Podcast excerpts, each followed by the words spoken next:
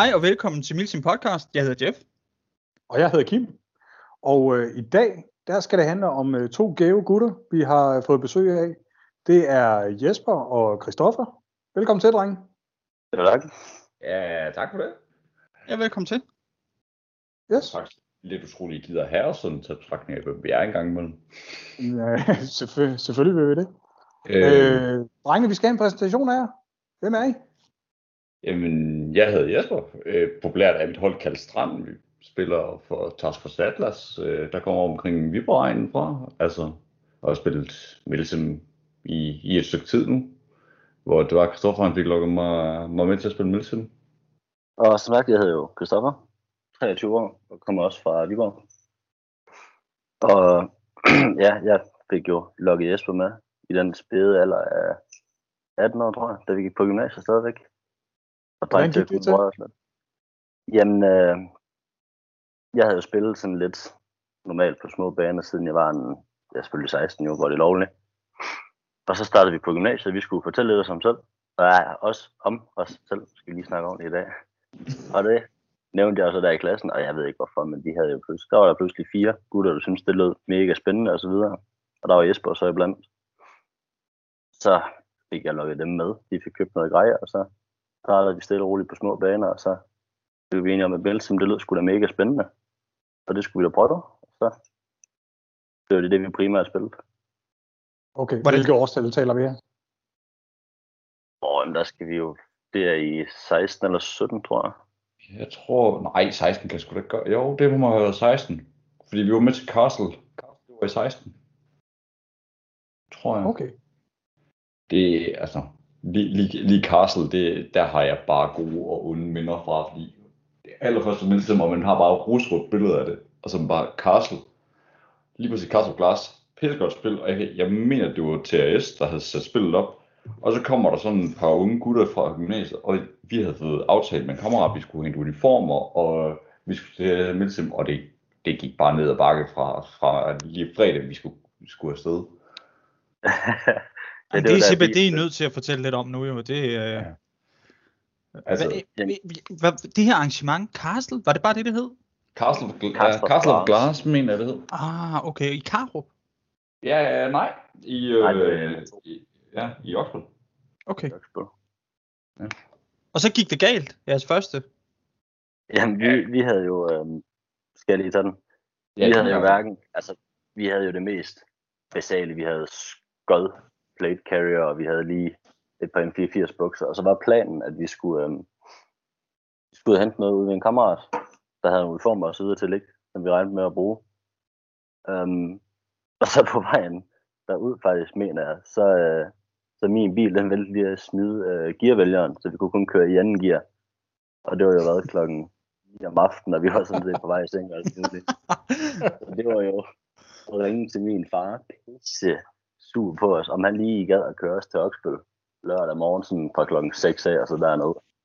Bare modvilligt, men han gjorde det.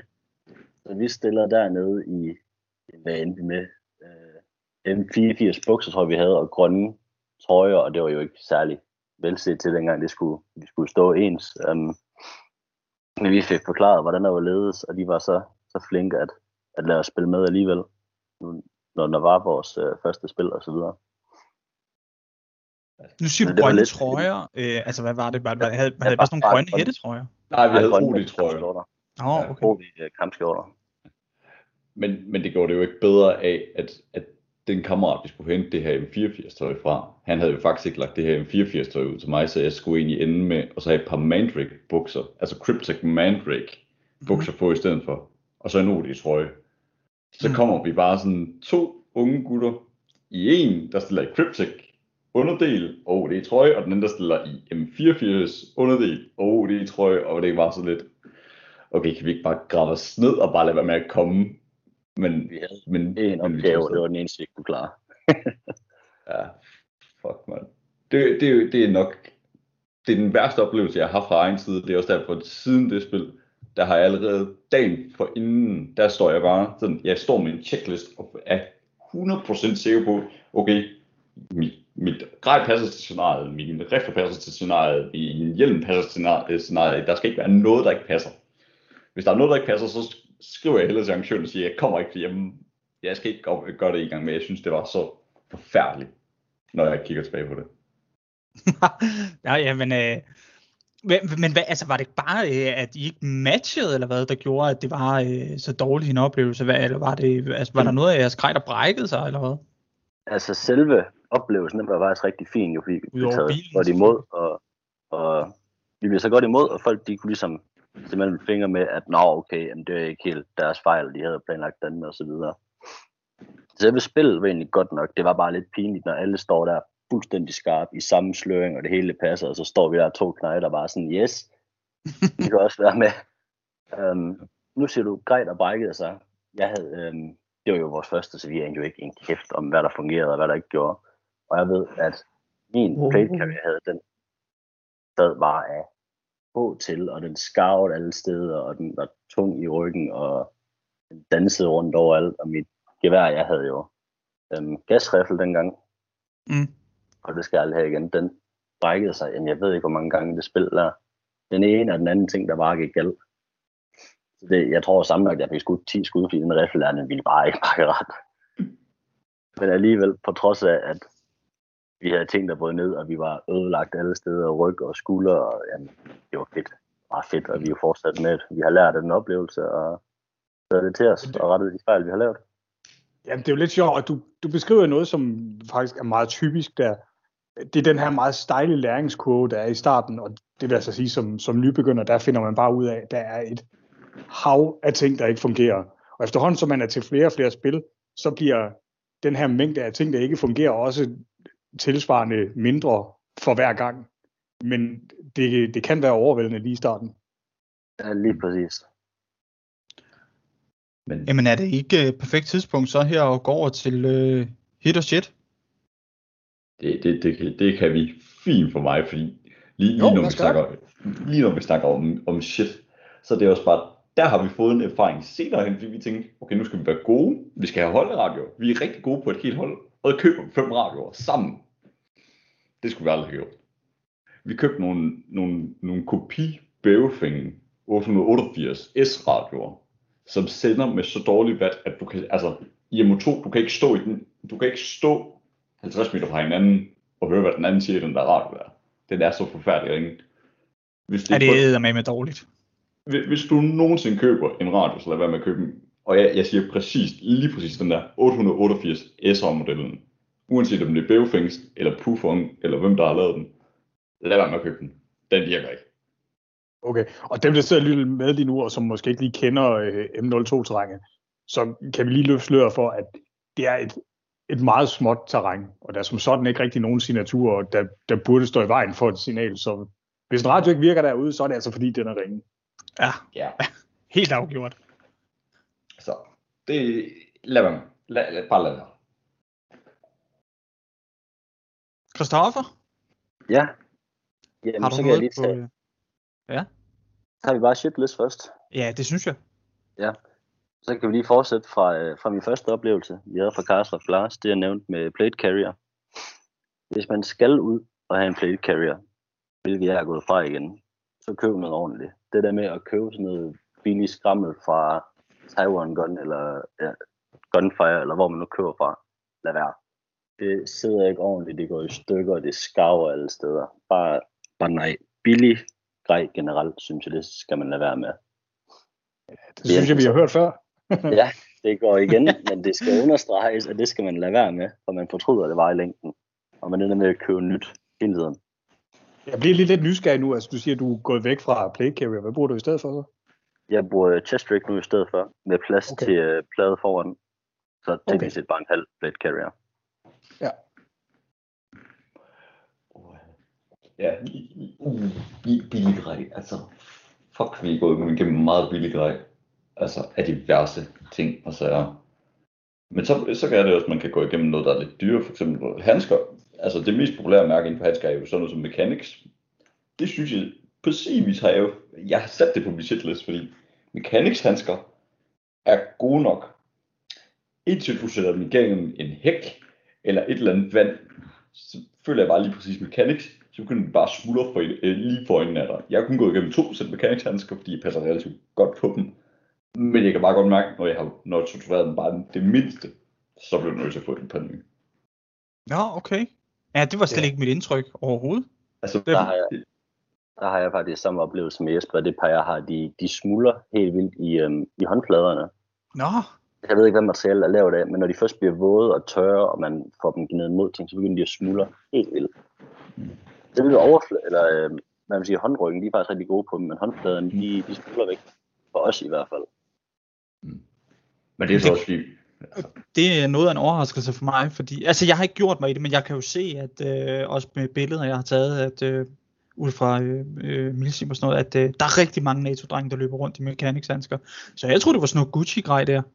Jamen, Det det, er det er, jeg Gucci. tror nemlig også, det, det, det er Gucci, fordi det ser godt ud, og det bruger operatørerne og så videre. Man er totalt operator med mechanics, men det, det er nu, nu spiller vi jo NATO. Meget af det, folk render med, det, det er for lux. Altså, føler jeg i hvert fald. Det er noget, vi har været igennem, og vi har kastet til siden, og været gælde på, og nærmest brændt det, fordi, ja ja, det er fedt. Det er bare noget lort. Så, Men ved I hvad, det der, det der med øh, at have grej bare for the looks, det er ikke kun over på NATO-siden. Jeg vil lige indskyde. Nej, men jeg føler bare, at vi NATO-drenge, vi er markant værre end russerne. Ej, det tror jeg ikke. Men øh, jeg, ej, det tror jeg ikke. Jeg tror bare, at øh, det er... det, det er på kan hver sin måde. Ja, og det er looket, ja. man går efter, der er markant anderledes.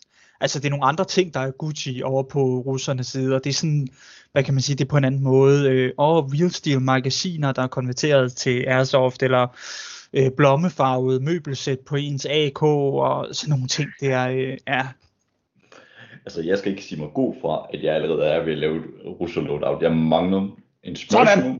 Ja, jeg mangler en smurf, og så er, jeg, så er jeg ved at lede efter en AFK. Så Ja, det det- er, bliver du glad for. Ja, men, men, men, men jeg har min, jeg har min Gorka 4 til at hænge ude i garagen, og jeg har et partisan sæt til at hænge ude i garagen, som bare er klar til den dag, hvor dag skal russer. Men så er vi jo snart i familie sammen, Jesper. ja, det er så dejligt. Prøv, hvis Hvad- man ikke har hørt Milsim podcast før, så vi bliver jo helt vilde, når vi hører, at nogen går efter at kunne øh, stille som både NATO eller som russer. Øh, At, at vi ikke er begrænset som arrangører på den måde, der. Det er så fedt. Ja, det er det, helt sikkert. Øh, Christoffer, er der mere på, eller vi- hvis, øh, hvor nåede vi til på den her øh, shitliste? Noget til shitlisten, og så tror jeg, at Strand han tog handsker generelt som hans nummer to. Kan Ja. ja. generelt. Det gjorde jeg lidt sådan. Me- Mechanics, som, som vi sagde, mechanics på godt og ondt, fordi mechanics kan holde en periode, og skal du skifte dem. Og mechanics er dejlige i en periode, indtil det begynder at smuldre. Jeg får altså lyst til at komme med en anbefaling her. Jeg er blevet helt vildt glad for øh, tyske øh, udleverede militærhandsker, øh, Bundeswehrhandsker i, i olivengrøn. Det ligner lidt øh, pilothandsker.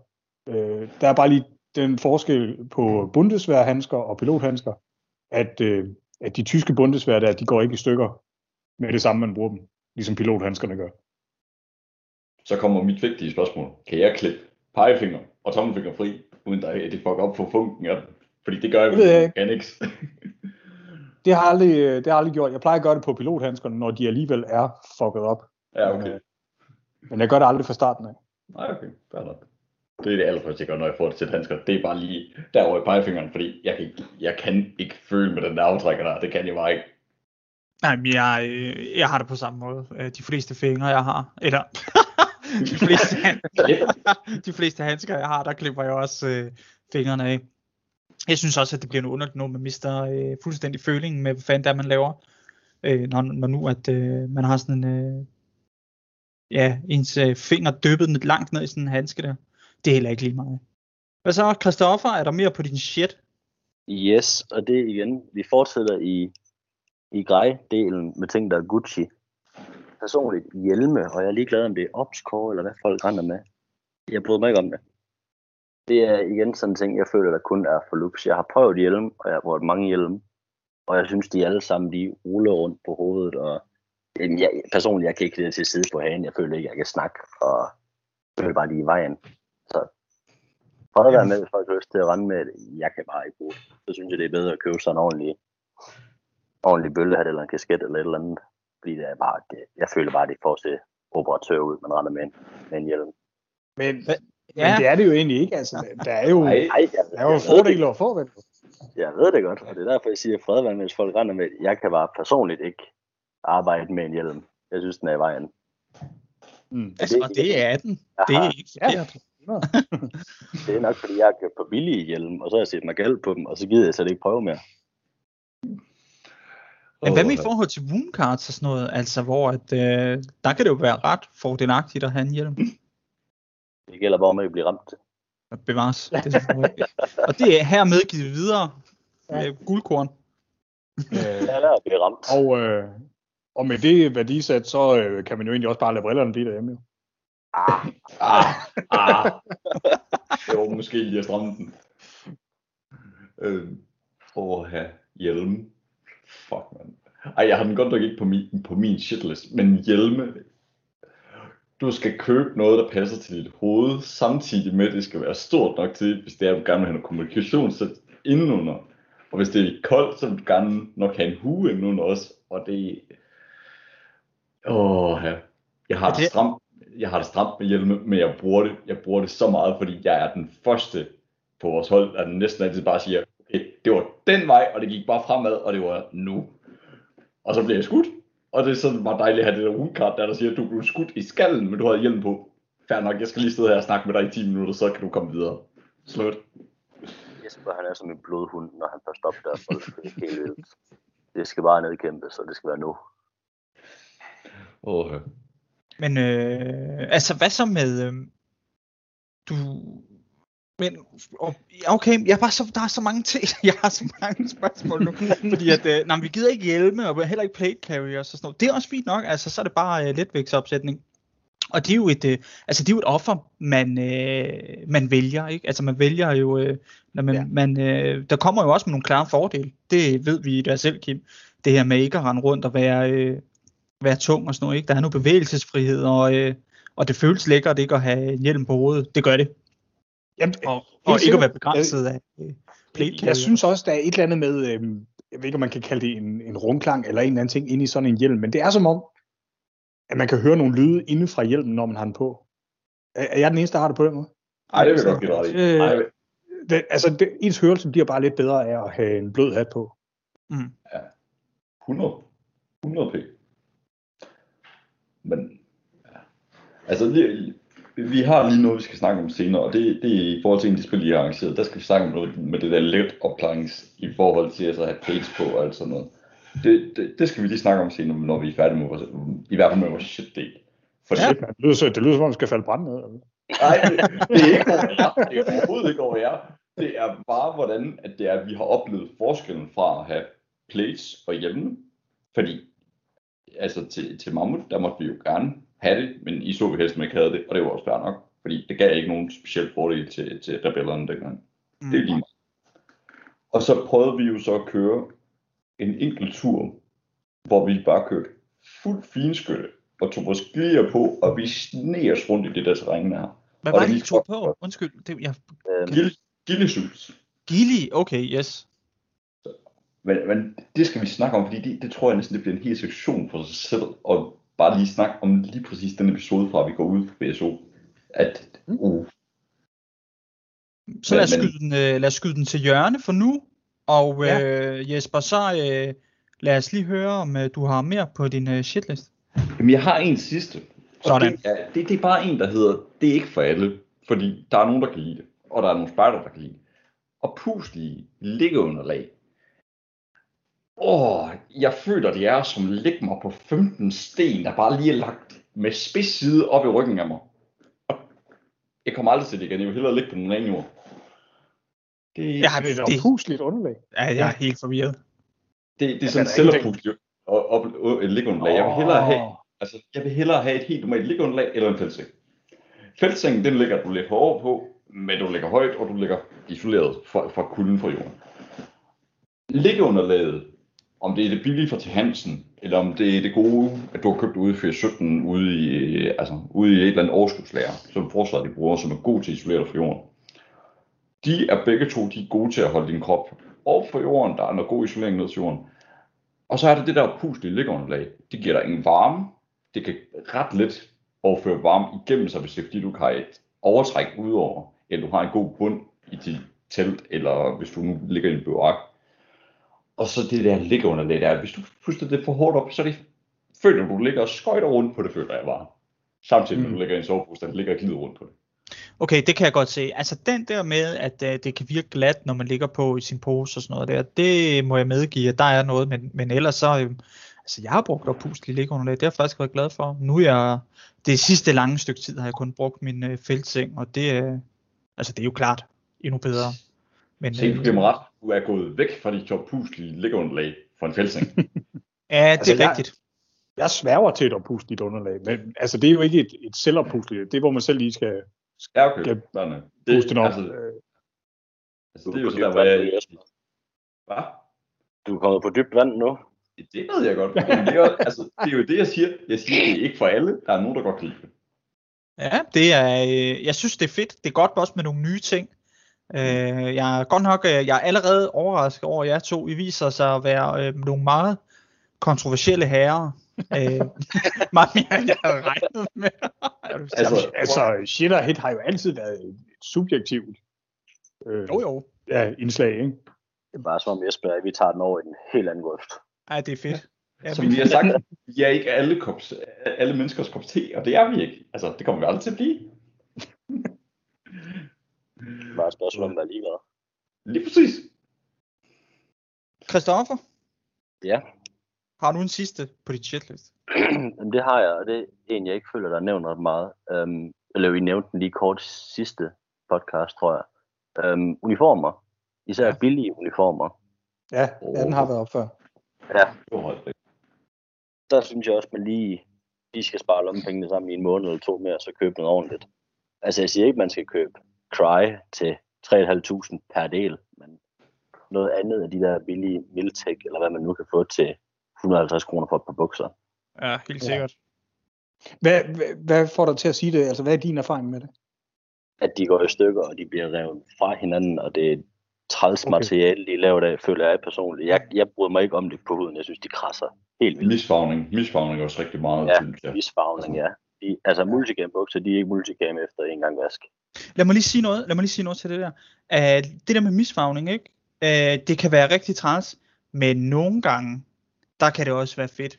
Altså hvis du har noget uh, rebel shit kørende, jeg tænker, man kunne godt tage en uh, Miltech Woodland jakke og vaske den nogle gange, skamvaske den, så den ja. simpelthen ser helt solbladet ud og sådan noget. Det vil se fucking fedt ud. Altså det vil bare være knivskarpt i sådan en opsætning der.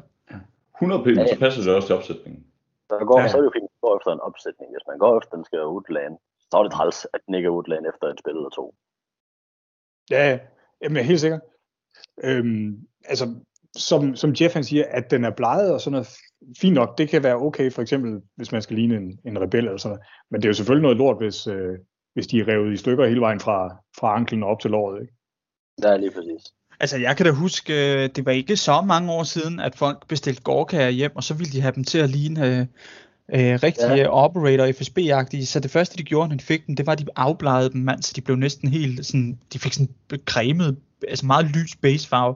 Det synes jeg jo var helt vanvittigt. Men det var fordi, sådan så de altså ud, øh, de her øh, FSB øh, og øh, alle mulige specialstyrker, når de rendte rundt øh, i Kaukasus. Ja. men det er også bare det, fordi hvis man nu snakker om dårlige uniformer, fordi jeg valgte min første uniform, jeg havde i multikæmpelsen, det er stadig den uniform, jeg har til den dag i dag, det er 511 fra top til bund. Og det virker. Og jeg har spillet Milsim siden, var det 16, vi blev enige om, sådan 16-17. Og det er det mm. samme sæt, jeg har brugt, når jeg er ude at spille spil, hvis jeg bruger uh, multicam, og når jeg er ude at spille Milsim. Det bliver vasket en gang imellem, ja, så får det lige en let boss ind over sig, og det virker. Altså, og det, et, et 511, det koster ikke andet end, jeg mener, det er 700 kroner for en buks, og 700 kroner for en kampskjort. Så 14, 1400 for en fuld uniform. Ja. Og der vil jeg altså lige indskyde, at uh, man kan få en fuld russisk uniform for de samme penge. Jeg vil bare lige ja. sige det. ja, du kan, du kan få til hele dit hold, faktisk, tror jeg. Sindssygt, mand. Jeg er slet ikke vant til at høre om uh, altså, uniformer deroppe i det der prisklasse. Jeg synes jo, det er jo vanvittigt. Det er vanvittigt. Men øh, Ja, men du får, du får mig ikke, lige, lige NATO-uniformen, der får du mig ikke til at spare penge, fordi jeg har bare set dem Miltech og hvad fanden er det nu, 8 Fields, og uh, det, det er bare sådan, det gør ondt inden i mig, når jeg ser folk, der kommer i det. det, Han er bare, sådan, en stakkels nybegynder, han skal købe nye bukser efter det spil der. eller du ved, han tager hjem.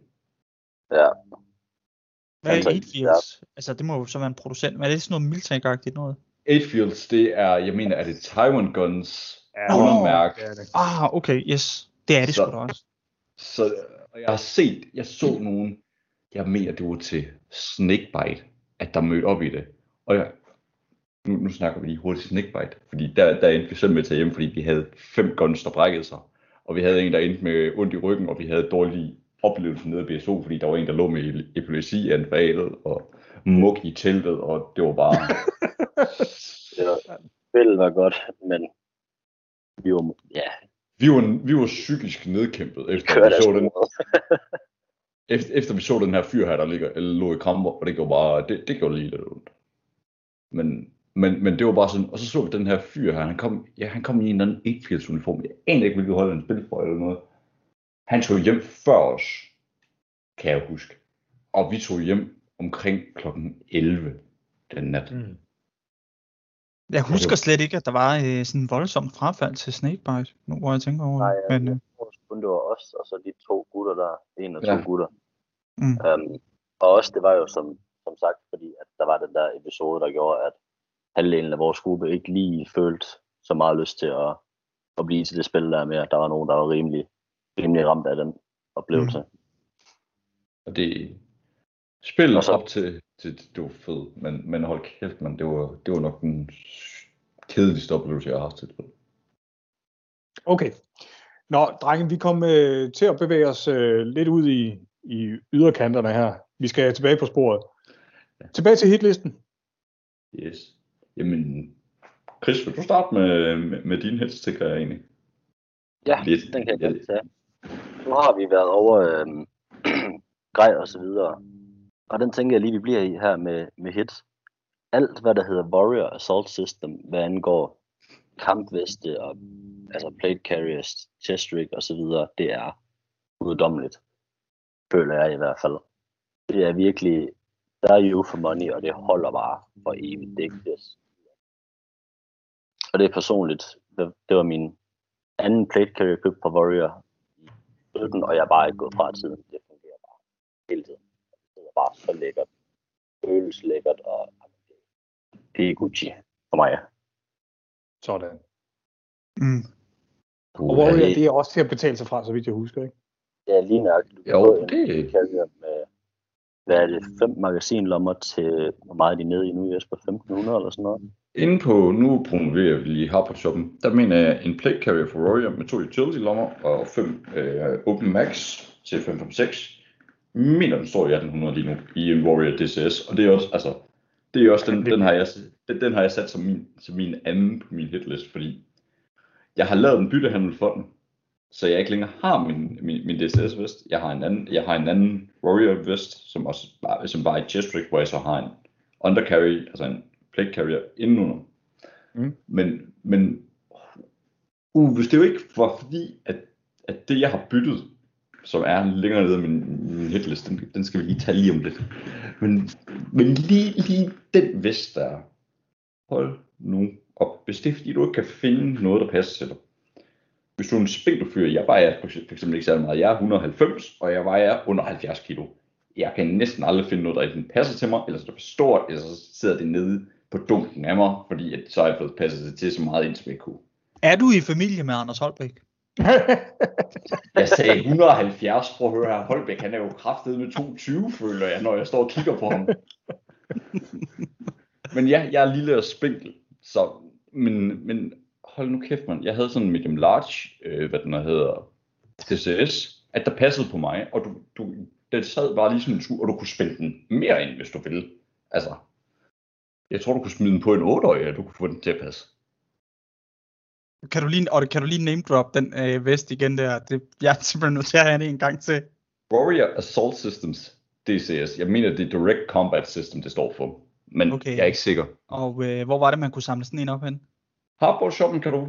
UK Tactical. Øh, der er også Outdoor, hvad ved nu det hedder, Outdoor Pro Garage, eller sådan der er en, en eller anden dansk shop også, de fører dem også, er også forhandlet af dem. Så der er et par De steder, dukker du meget tit op på, på Facebook også. På Ja, Facebook og eller er substansiderne også. Altså, hvis det er fordi, du ser en, der sætter en til salg til 1500, så siger du 1200, så henter jeg den i morgen, og så er der rimelig mange, der siger ja, der er også rimelig mange, der siger nej, fordi de ved, at det er godt grej. Okay. Så det var så altså på jeres øh, begge tos øh, hitliste, den her. Ja, det, det, det kommer du ikke udenom. Warrior Assault Systems. Kan man, øh, kan man nødflytte med det? Altså, kan de holde sig med en slæber en mand og sådan noget? Det har vi gjort Ja. op til flere gange. Jeg, har, Ja. jeg, jeg er blevet rykket 5 meter tilbage, hvor der var en, der tog kraven af min, min DCS, og så sagde, nu, nu, nu flytter vi os. Nu blev jeg rykket i kraven af. Jeg fik ikke engang sparket væk med benene, og der blev bare rykket på mig. Der sidder sådan Mm. et, øh, der sidder et håndtag bag på DCS'eren til ligesom at, der er beregnet til at trække sine makker i. Og den du så- har bare hævet Jesper rundt ude i terrænet. Jeg har hævet Jesper rundt, og vi, øh, vi, har en, vi har en tidligere kammerat, der har spillet med os. Han havde også en Warrior, det var sådan en anden en, men også en, en Warrior vest, og han var altså en, en stor gut. Der har jeg også bare hævet fat i det håndtag der på ham, og bare flået ham afsted hen over grus og alt muligt andet. Fuldstændig ligegyldigt. De tåler bare nogle tæsk. Han var ikke engang blevet skudt eller noget. Du gjorde det bare. Det var, det var, det var takkede ham, og ham bare afsted. Han lå, han lå faktisk bare buffet, der lå og sov, men så kom Christoffer for og hive ham rundt med, fordi jeg skulle prøve det. okay. Uh, jeg tror, at det er Christoffers tur igen, ikke? Du, uh, okay, hvad så? Uh, lad os komme videre på den hitliste, og hold kæft, det er godt. Øhm, det er også en ting, der bliver nævnt før, og det skal nævnes igen, fordi det er simpelthen så vigtigt. Man skal ikke Er det en røvpude? Nej, Åh, ikke jeg røvpuder det. Øh, det er sko, ordentligt fodtøj. Nej, det er aldrig blevet sagt før. Nej, har jeg slet ikke. Jamen, Er det ikke det? Jeg synes bare, det er. Nå, men øh, okay, men øhm, nej, men så bliver vi sgu nødt til at sige, det kan man ikke slippe afsted med mere. Du bliver nødt til at øh, være specifik så. Så skal du name drop noget, og det skal du gøre lige nu. Jeg kan ikke huske navnet. jeg kan ikke huske navnet. Det er pinligt. Det er pinligt, jeg kan name drop lige med det samme, det jeg har skrevet som min hit nummer et, fordi jeg har fået det fra forsvar. Falcon X støvlen, YDS støvlen, der er imprægneret to gange. Mega gode støvler til 500 kroner. Øh, øh, og er du enig, Christoffer? Ja, Sådan. Jamen, Det er øh, lidt- så, det er lidt det, det er samme stil, jeg har. Det er bare et andet navn. Mm. Jeg kan ikke huske, hvad det er. Det er, Men nogle, det- er det ikke nogle Tech Light støvler, du har? Er det ikke sådan, det er, det hedder? Jeg kan ikke huske det. Altså, det, det er jo samme med Falcon støvlerne, det er også, Lebok har været inde over at lave dem også. Og hvis der er nogen, der har haft Lebok støvler, hvor det passer på din fod, så passer en YDS støvle, den passer også. Altså, don't even, altså hvis du har, hvis du har haft en Lebok støvle, der passer, så kan du også godt passe ind ned i en YDS støvle i din størrelse. udmærket. Okay. Good to know. Mm. Øhm, ja, okay. Øh, og så I begge to havde støvler på jeres øh, hitliste også? Ej, den stod faktisk bare som en, jeg skulle nævne under fodtøj, fordi øh, der står sådan, jeg har skrevet sådan en lille, øh, lille fodnote, at, at uh, cheap option, hvis Christoffer nævner alt andet. Så. Ah.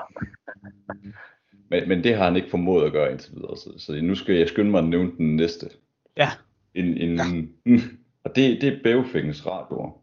Nu er vi lige gået fra deres 888 radioer, så skal vi gå over til deres UV5R radioer. Der har du bare en radio, at det er, du kan smide en bladantenne på, at det er, der faktisk kan række igennem næsten hvilken som helst terræn. Jeg lånte en på et tidspunkt til at spille Brikby. Og det var sådan lidt, Brikby er jo en, en by, og det sender, der ved sender din radio dårligere. Det er faktum. Men jeg synes, Ja, ja. og, og det, det er bare så træls. Men jeg behøvede ikke engang at så skulle sætte dem op i et eller andet hus, eller et eller andet, eller sådan ude på et eller andet åben mark for at sende. Jeg stod inde midt i et hus med et radio, jeg havde lånt, og sendte ud i Østbrik. Og jeg aner ikke hvordan, jeg tror det var sådan midt inde i, i Brikby, jeg gjorde det. Sådan nede omkring skolen. Og det var bare sådan lidt. Det virkede bare, det var dejligt. Og hvad var det, du sagde, den hed igen? UV5R. Sådan. Øh, Det- og øh, I hørte det her. Øh, Brikby er en by, og det er et faktum. Tak, for, tak, tak, tak. Skulle. Hvad så, Christoffer? Jamen, så vil jeg slå et smut for, eller slag for, øh, for briller, ja, hvilket også er rimelig vigtigt. Og der kan jeg name drop, Jeff. Det skal du slet ikke være i tvivl om her. Sådan. Wiley X, deres briller. Jesper han har det samme par, og vi har brugt dem i, hvad er det, vores fire år har vi brugt dem. Tre år. tre år, det er også underordnet. De sidder skide godt på hovedet. De, er, de sidder så godt, og de er så klare, man er faktisk i tvivl, man har briller på, når man har gået med dem i kvarter.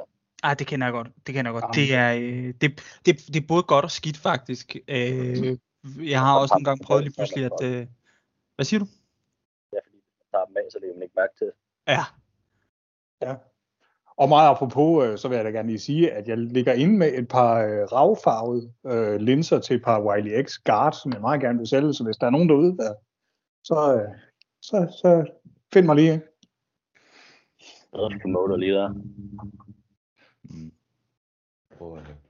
Ja. For lige at vende tilbage til de briller der, hvis vi skal køre dem videre, de dukker ikke, og du kan få en, øhm, en elastik strap til at sætte rundt om, om hovedet, hvis du er typen, hvor brillerne de plejer at falde af, eller hvis de sidder dårligt. Og du kan skifte glas i dem, hvis du vil have dem sort, også ved sol, det er noget, der irriterer dig. Og de du kan også få... Øh, jeg har også hørt, at du kan få ravgul glas til dem, faktisk.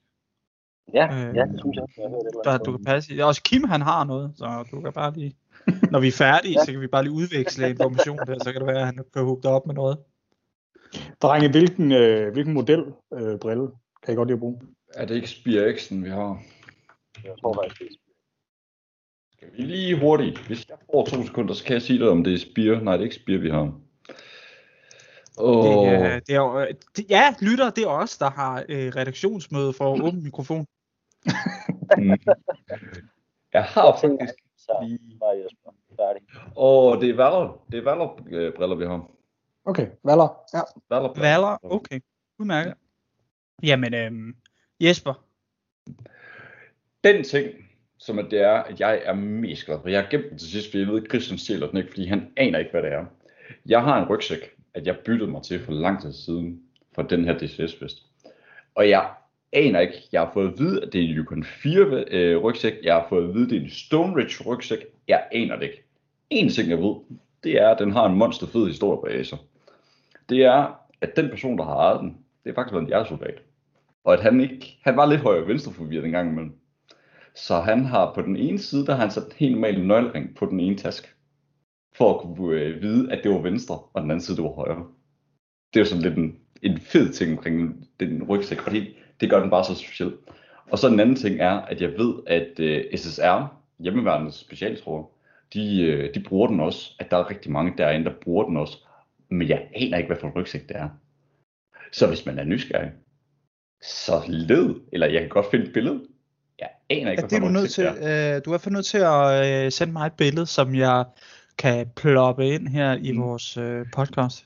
Det skal, jeg skal nok sende et billede, fordi jeg har ingen idé om, hvad, hvad mærke det er, men, men den har sådan en fed historie bag sig, og den er bare så dejlig, og du kan justere ryggen til den, du kan tage siderygsækkerne af. Jeg har, når vi er ude, der har jeg to soveposer til at ligge, fordi Christian er selvfølgelig for svag til at bære hans egen lort. Jeg har, har hvad der hedder, vores telt til at ligge. Jeg har, hvad den der hedder, poncho til at ligge, som det er, der kan dække vores grej ud, øh, ned, hvis vi skal til at ligge udenfor. Og sådan lidt diverse kogegrej og mad til at ligge i den. Altså, jeg har det hele der i. Hvor mange liter kan den rumme? Mener det er 120. Nå, det er sådan, okay, det er sådan en stor en. Okay, fedt nok. Det er Hvad for en- sløring er den i? Det kan være, det er sådan helt... øh, Det, det er en helt normal OD, øh, hvad den hedder, rygsæk. Altså, jeg tager med glæde billeder af den, når jeg, når jeg lige har tid, og så lige sender til dig, sådan at det er, altså, så at det er, at vores, vores lytter, de kan se, se det, hvis det er, de går på YouTube, eller går ind på, øh, på Facebook-siden, ikke også? 100. Fordi, jeg, altså, fordi hvis du kan finde en med, eller hvis der er nogen, der kan fortælle mig, hvad for en det er, så altså, det er lige for, jeg bare har lyst til at købe backup. Altså bare for at have det. Mm, 100. Jamen, øh, fedt. Vi skal, øh, ja, den skal vi fandme se. Og så, øh, ja, øh, vi øh, i vores, øh, på vores YouTube-kanal, i, øh, i afsnittet her, der vil der jo øh, som oftest være billeder, der følger med af øh, det, vi taler om. Så øh, hvis man øh, skal se den øh, omtalte famøse rygsæk, så skal man altså øh, finde os på YouTube. Mike Mike her. Vores kurs er F9.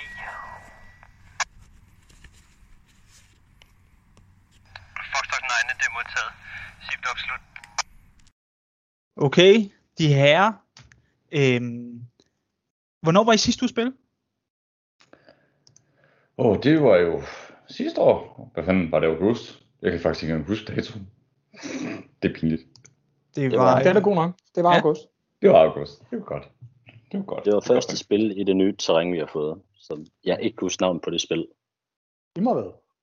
Ej, spillet, ja, det det var er terræn. Spillet, spillet. Ja, spillet, okay. Operation Icarus. Ja, Præcis.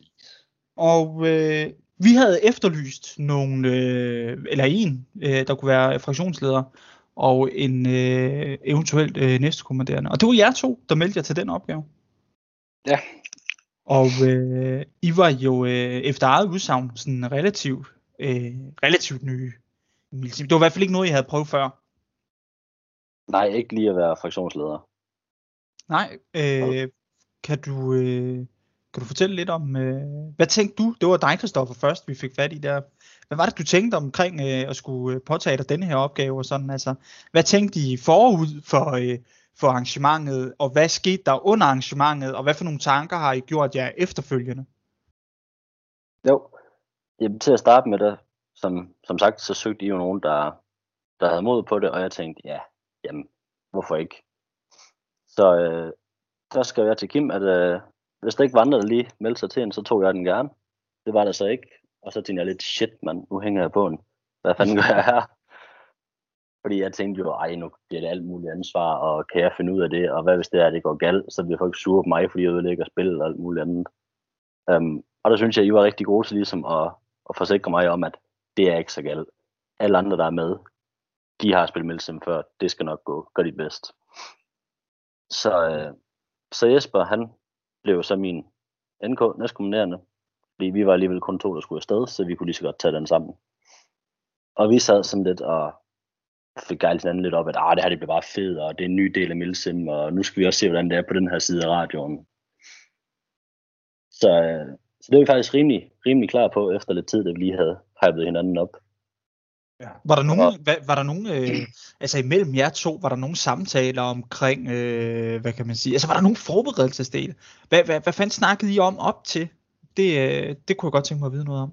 Hvad gjorde I af, af, af hvad kan man sige, øh, forberedende tiltag for ligesom at styrke jer selv på den her opgave? Hvis nogen overhovedet. Jeg tror, det eneste, der gjorde, det var at sørge for, at vi havde en radio, der virkede. Og, og det er meget vigtigt. Ja, det, Vi det er godt ud for. Ja, men ellers så tror jeg faktisk ikke, vi gjorde det helt vildt. Altså, nu har vi jo været til nogle spil, og vi ved, hvordan HQ plejer sådan at, at snakke til folk og så videre. Nu har vi selvfølgelig ikke stået i den, i den anden ende, men vi har prøvet at stå i felten og ved, hvad vi sådan plejer at, at få, så det har vi jo selvfølgelig trukket lidt på, hvordan plejer andre folk at gøre det, og hvad kan vi gøre anderledes? Hvordan vil vi selv have, have haft det, har jeg i hvert fald tænkt. Jeg ved ikke med Esper, vi har ikke sådan sat os ned og, og snakket helt vildt om det. Det var Mm. sådan, nu gør vi det sgu bare agtigt. Mm. Kan I prøve lige at altså, fortælle os om spillet, hvordan, øh, hvordan oplevede I at være fraktionsleder i NK øh, allerførste gang derude? Hvad, hvad skulle der ske, og, og hvad gjorde I? Altså det allerførste, vi blev bedt om, det er, at I kommer med en kalder jeg det for det term, som at det er, at øh, mine medspillere kaldte det. En bunke lort, vi lige pludselig skulle slæbe fra den ene ende af skoven til den anden. Fair nok. Okay, fair nok. Vi fik læsset op i nogle rygsækker, der var nogen, der bar noget og noget, og så skulle vi gå ind, og så skulle vi sætte BSO op. Ja. Og så øh, fik vi lagt en plan imellem gruppefører, som så skulle gå ned, og så, hvad det hedder, fortælle det til deres grupper, og så kunne mig og Kristoffer, vi kunne lige stå og snakke om, er vi sikre på den her plan? Og da vi har sikret hinanden om, jo, det er det rigtige at gøre på den her måde, og bokse os frem i terræn på den her måde. Så er vi enige om, at når vi kommer frem, så skal vi lige have et break, vi skal sætte en sikring, og vi skal bare lige tage ro på. Det, Vi, det, vi, ja, altså vi, vi får jo selvfølgelig afsikret området og får folk til lige at få hurtigt sat BSO op og få lavet noget nærsikring, og så mens folk gjorde det, så tog Jesper og jeg lige en, en føler med hinanden om, okay, hvad gør vi herfra? Hvad er planen? Hvordan fortsætter vi herfra? Og hvad, var det, hvad blev planen så? Og hvad var det for nogle opgaver, der skulle eksekveres? Og hvordan øh, gik I ligesom øh, til det? Jamen, vi, skulle jo, vi havde jo ingen information om, hvad der foregik i terrænet, og hvad vi, hvad vi skulle ud og finde jo. Så vi fik, øh, vi fik sørget for, at, at dem, der havde tid, de lige fik sat BSO op, og vi havde noget nærsikring, og så fik vi sat nogle grupper ud, for ligesom at sondere terrænet, lige lave noget hurtigt recon, og finde ud af, hvad, hvad arbejder vi med? Hvad, hvad kan vi gøre her? Hvad har vi af, af mål, vi skal have nedkæmpet, eller formation, vi skal have med tilbage og alt muligt.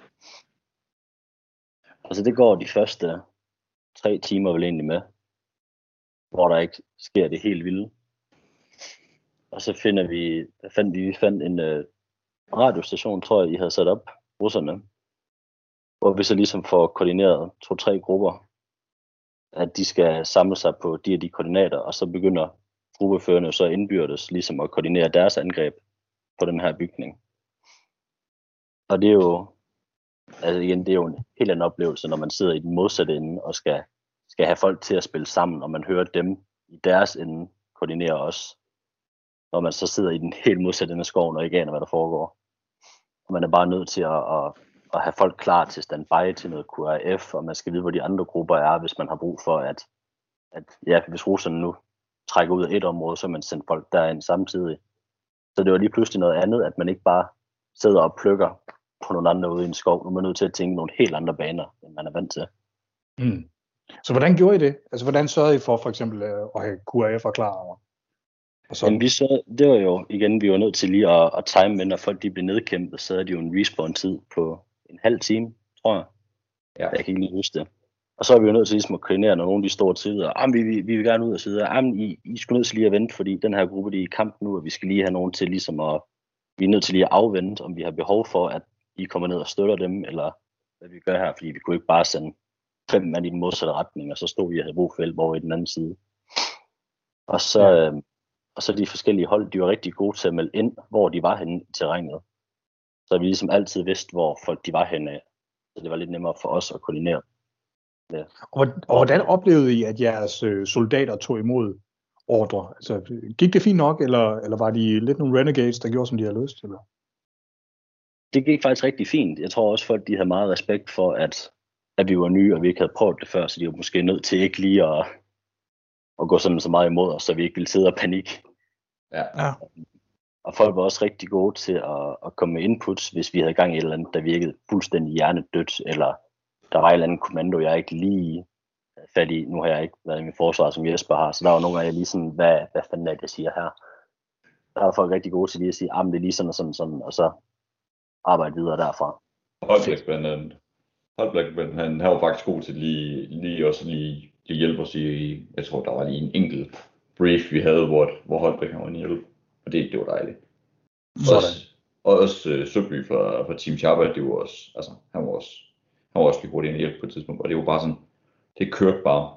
Også, vi havde på et tidspunkt, hvor vi havde sagt, okay, mens vi er ude Rik, lad nu være med at tage føling, til, lad være med at tage føling, I ikke kan, I ikke kan holde til. Lad være med at tage en føling, I ikke kan styre. Og det var fair nok, det gjorde de ikke. Altså, de, de tog ikke nogen følinger.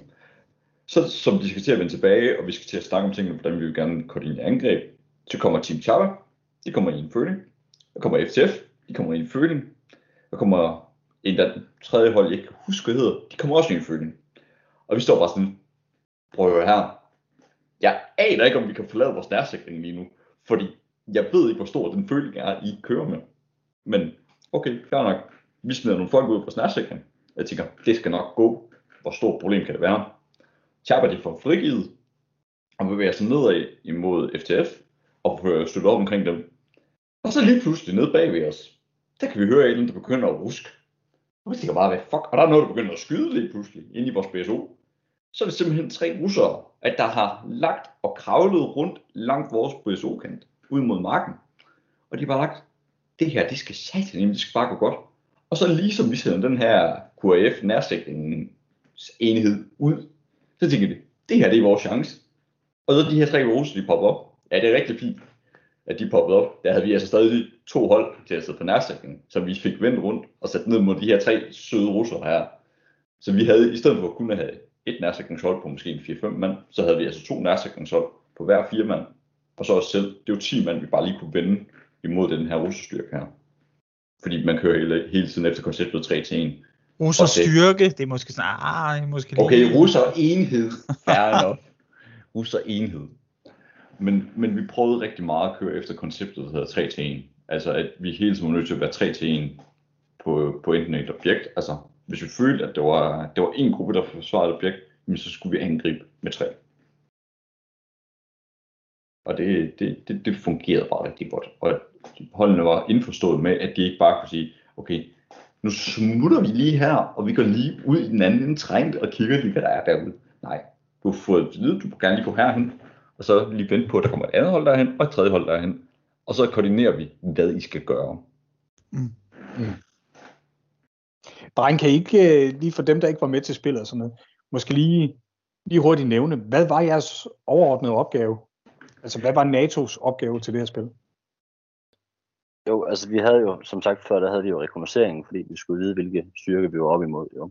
Mm. Og vi skulle jo sådan set have russerne kæmpet ud af det her terræn, vi var i. Um, så det bestod jo i, at de havde nogle missilbatterier, vi skulle have, have sprængt i luften, så de ikke kunne bruge dem nogle jord til luft, hvis jeg husker korrekt. Og så den der øh, antennestation, de havde, for ligesom at stoppe kommunikationen. Og så var der også et kommunikationsdepot også, ja, nord? vi også skulle have nedkæmpet. Og så ved jeg, jeg tror faktisk ikke, vi, vi fandt så mange ting, hvis jeg husker rigtigt af, hvad I sagde. At det, det gik faktisk lidt, lidt vist lidt øh, sløvt for os med at få, få fundet alting. Øh, ja, Nej, det, ja, det, det, det gik ikke øh, overraskende godt, men det gik heller ikke skide dårligt. Altså, det var sådan en god middel præstation, sige. Hvad var jeres egen oplevelse egentlig? Altså, hvad oplevede vi selv? Synes, synes I, I to, at, øh, at det var svært at få øh, øh, nedkæmpet de her øh, stillinger, som I skulle? Vi havde rigtig meget problemer. Jeg mener, det var over for jeres raketstyr. Fordi vi kunne bare ikke få en god indfaldsvinkel på det her raketstyr her. Mm. Det, det er den, jeg mindes, vi havde sværest ved. Jeg var selv oppe og støtte omkring den gang, hvor at vi skulle, øh, vi skulle lave koordineret angreb på, øh, på, på radioen eller på antennestationen. Fordi der havde vi blevet, vi var blevet bokset tilbage første gang, vi havde prøvet at angribe. Og det havde bare ikke virket særlig godt, og der havde vi så der havde vi koordineret med at lave en afledningsmanøvre og ved jeres ammunitionsdepot, mens vi skulle angribe jeres antennestation. Og det fungerede bare godt. Fordi at folk de var enige om, at det er nu, vi kører. Og det, det, det, det skabte noget forvirring, og det kørte bare rigtig godt. Det, altså, der er, der er, der er godt saying inden for forsvaret af. Slow smooth, smooth is fast. Så vi kørte det dej- dejligt stille og roligt mm. i et godt tempo. Ja. Oplevede I på et tidspunkt derude det her med, at, øh, at øh, der var pludselig ændring i planerne? Altså det, at man er nødt til at tage sådan nogle ad hoc beslutninger og improvisere sig øh, igennem, øh, igennem arrangementet. Oh yes. Kan I fortælle lidt om de oplevelser? Altså, vi havde jeres, jeres øh, hvad den hedder, supply drop, vi fik klokken lort om natten. Det er Åh, ja. klokken, klokken lort om natten om aftenen. Jeg tror klokken var 11. Ja. Det var mørkt. Det var sent foråret, det var mørkt. ja. Ah, så sent på året er det jo heller ikke. Det er Men det var bare så lidt, og, og vi havde bare nogen, der allerede var klar til at gå til køjs. Og de var gået til. Og det var sådan lidt, okay, fair nok, vi, vi får det til at fungere det- med det, vi har. At så gik øh, Christoffer, han gik på venstre flank, som, øh, gik du ikke sammen med Chava? Gik du gik sammen? Jeg tror, jeg havde Shabba, ja, og tomandsgruppen Mike, Mike og Sheepdogs havde jeg med. Vi var i hvert fald en 10 mand derovre. Ja, det er rigtigt. Jeg gik højre flank. Ja, jeg gik højre flank med FTF og den der polske gruppe, som jeg ikke kan huske, hvad hedder. Ja, fordi de andre, de var taget hjem, fordi hans kone begyndte at føde, det er rigtigt. Nå ja, det er faktisk rigtigt, ja. Og i øvrigt, hvis du lytter med, tillykke. Ja. det var rigtigt. Det var sådan lige sådan, ah, vi smutter nu. Hvorfor? Min kone er begyndt at føde. Okay, fair nok. Hej hej. Ja, det kan man, altså, det, det er måske en af de bedste øh, årsager, jeg har hørt til at smutte Ja. ja. overhovedet. Det er Øh, så den der med, at jeg har lidt ondt i ryggen, eller jeg har lidt ondt om knæ, eller mit grej, det er brækket. Nej, min kone er begyndt at føde. Okay, go. ja, helt sikkert. Helt sikkert. Men hvad så? Altså, hvad var det, der gjorde denne her opgave særlig udfordrende med det her øh, supply drop? Vi nåede ikke at koordinere ordentligt, tror jeg. det var meget, øh, meget forhastet, og folk havde ikke rigtig nogen idé om, hvor tingene var. Der var ikke nogen, der kunne se, hvad der foregik. Øhm, og jeg ved ikke hvorfor, men jeg synes ikke, vores radioer de rigtig virkede på det tidspunkt, så det var rigtig svært ligesom at koordinere, hvor folk var henne, og man kunne ikke se, hvem der var med en, og hvem der var mod en. Så vi blev sådan rimelig hurtigt nedkæmpet, følte jeg i hvert fald. Og Vi fik, vi fik en af de der supply crates der, og lige i øjeblikket, hvor vi kom tilbage, der blev, blev jeg i hvert fald enig med, med FTF, som, fordi vi blev fuldkommen slagtet over på, det må jo så have været jeres venstre flank, vi blev fuldkommen meget ned over, efter vi har taget den her ene kasse her, og det var bare enige om, okay, det lykkedes at få den ene kasse, det var bedre, end vi overhovedet kunne håbe på, kunne vi føle. Og det, altså, det var bare kaos på vores side. Det var vores dårlige planlægning. jeg, jeg endte med lige, lige det scenarie der, øhm, med at hele min gruppe derovre på, på jeres højre, vores venstre, de også bare blev nedkæmpet, så jeg endte med at ligge i, jeg tror en halv time, tre kvarter, endte jeg med at ligge med syv russer rundt om mig, mens jeg bare lagde inde i sådan en lille busk der, og jeg kunne ikke få fat i nogen af mine, øh, nogle af vores grupper, og jeg kunne ikke bare snakke højt over radioen, fordi der lagde russer halvanden meter frem eller sådan noget. Og jeg kunne ikke se noget som helst i terrænet, så jeg lagde bare der og puttede mig. Og der var folk, der gik forbi mig, og jeg lagde bare der pis, pis, pis, pis, pis. Og radioerne, de virkede ikke i det terræn der, så jeg kunne ikke få fat i nogen. Og så gik jeg ud fra at sige, at det var nok, det var gået i kage det her, vi vender tilbage. Og der var folk så åbenbart gået i seng for 20 minutter siden, efter jeg kom tilbage. Så jeg aner ikke, hvad der har foregået. Udover det hele bare... Det, det var, det var Men ringe koordination. det, var jo ikke, det, var, det var ikke så meget også, føler. Det var mere sådan, det var den måde spillet det spillet ud på. At der kunne vi nok Altså, Det, det man jo også lige skal huske at tage med, det er, at, at fjenden får jo altså lov til at have en finger med i spillet og afgøre, hvordan tingene går. Ja, Lige nøjagtigt, ja. Det er ikke kun os, der, der gør noget. Der er jo nogen på den modsatte ende, der spiller mod os. Hvad, ja, hvad, var jeres, øh, hvad var jeres indtryk øh, egentlig af fjendebilledet? Altså, øh, hvis man øh, på en eller anden måde, hvi- hvis I kan lave en beskrivelse af fra spillets start, og så sådan igennem arrangementet, hvordan oplevede I fjendebilledet, og ændrede jeres indtryk sig på noget tidspunkt? I starten, der var det meget sådan, at det, det føltes som om, det bare var små grupper, der lige stak lidt til os. At det var ikke sådan en større enheder, der var imod os. Og så efter vi kom længere ind i spillet, når vi skulle begynde at indtage nogle stillinger, så var det som om, at så var der lige pludselig lidt flere russere, end vi lige havde regnet med. Altså stillede der lidt flere mand i området. Vi I starten var sådan, at der var lige to, der prikkede til os, det fik vi nedkæmpet, eller de trak sig igen. Og når vi så skulle tage ja, ammunitionsdepotet eller radiostationen, så, så blev vi lige pludselig kæmpet tilbage igen. Fordi vi havde måske regnet med, at der sad en 4-5 mand nede på områderne, og pludselig så stillede der af, hvad det lød til over radioen, så stillede der en 10-15 russere. Og så stod man jo den der, der lige pludselig nødt til at koordinere nogle lidt flere folk, og hvor trækker man folk fra? Fordi der er jo sikkert folk i andre steder i området, hvor vi også var nødt til at være opmærksomme på dem. Ja, denne her, øh, altså denne her, øh, men man, man, man skal koordinere sine ressourcer og sådan nogle ting. Det er, øh, at når man, ja, når man bare er ude som almindelig deltager, så er der jo helt aspekt, som man er afskåret fra. Altså det her med at skal øh, vælge, hvad for nogle ressourcer, der skal sættes ind, hvornår, og hvornår de forskellige grupper skal have tid til at få noget at æde, og hvornår der er nogen, der skal sove, og øh, hvem der skal hvad, og hvornår, og sådan noget der. at spise er ikke en valgmulighed. Det er noget, du gør, når du har tid. Slut. Sådan. Jamen, sådan, sådan er det faktisk tit, ikke? Ja. Øh, altså tit så har folk det sådan lidt med, at deres verden, den, den, det, det lyder også så grimt at sige, at den slutter lige ved deres næsetip, men den enkelte spiller kan måske godt stå og tænke, hvorfor helvede bliver jeg ved med at stå her og holde vagt, det er røvsygt. Øh, måske glemmer lidt, at imens så sidder der en og river sig i håret over, at han har øh, øh, 30 mand, der skal klare 40 mands opgaver.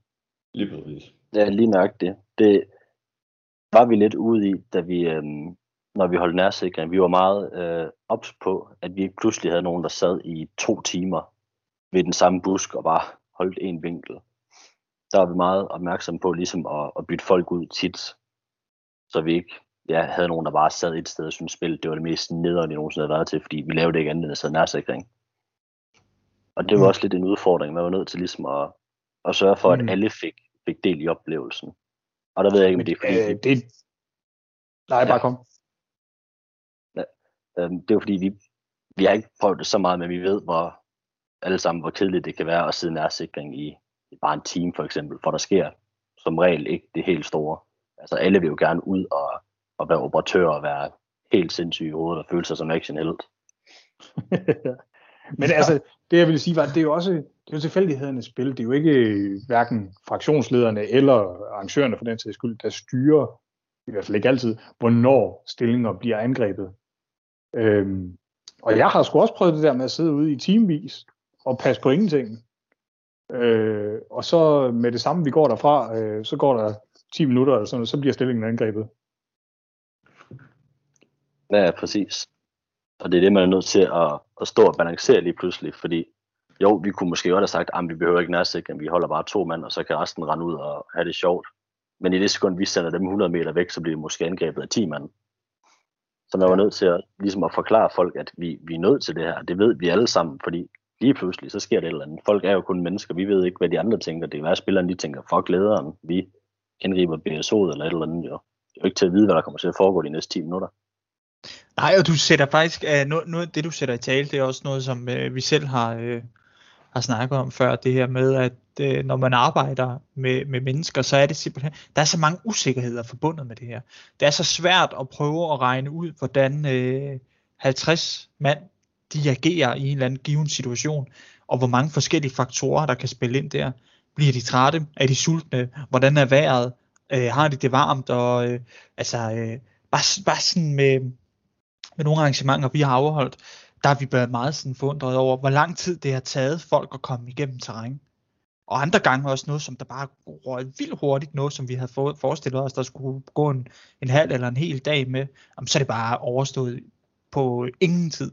Det er enormt svært at forudse det her, synes jeg, med, med altså, hvordan folk de, de går til en opgave, og hvordan de øh, agerer igennem sådan en weekend der. Det tror jeg, det, det, det tror jeg virkelig gerne på. Nu har jeg ikke, jeg har ikke selv arrangeret et spil, jeg har prøvet et par gange, altså, og gerne vil gøre det, men har aldrig lige kommet det sidste stykke.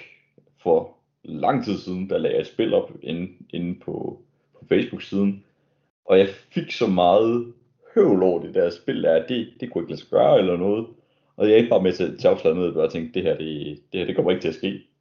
Men, men på et, et eller andet tidspunkt, så vil jeg rigtig gerne prøve at sidde i jeres sko, men også på sin vis, så har jeg ikke lyst til at sidde i dem, fordi jeg tror, det er så svært at, at styre mennesker. Det lyder så forkert at sige, men at styre mennesker, det kan ikke lade sig gøre.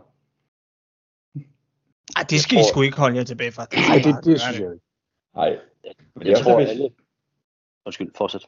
jeg, det er også derfor, jeg siger, jeg vil gerne prøve det en dag. En dag. Mm.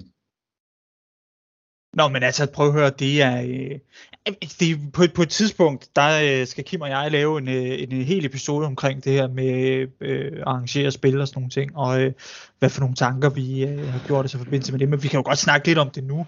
Altså, Nej, det behøver ikke. Altså, det, det synes jeg, I skal gemme. Altså, 100%. nej, men mere sådan, altså, man, man skal sgu ikke, øh, man skal ikke gå og bilde sig selv ind, at det er en umulig opgave.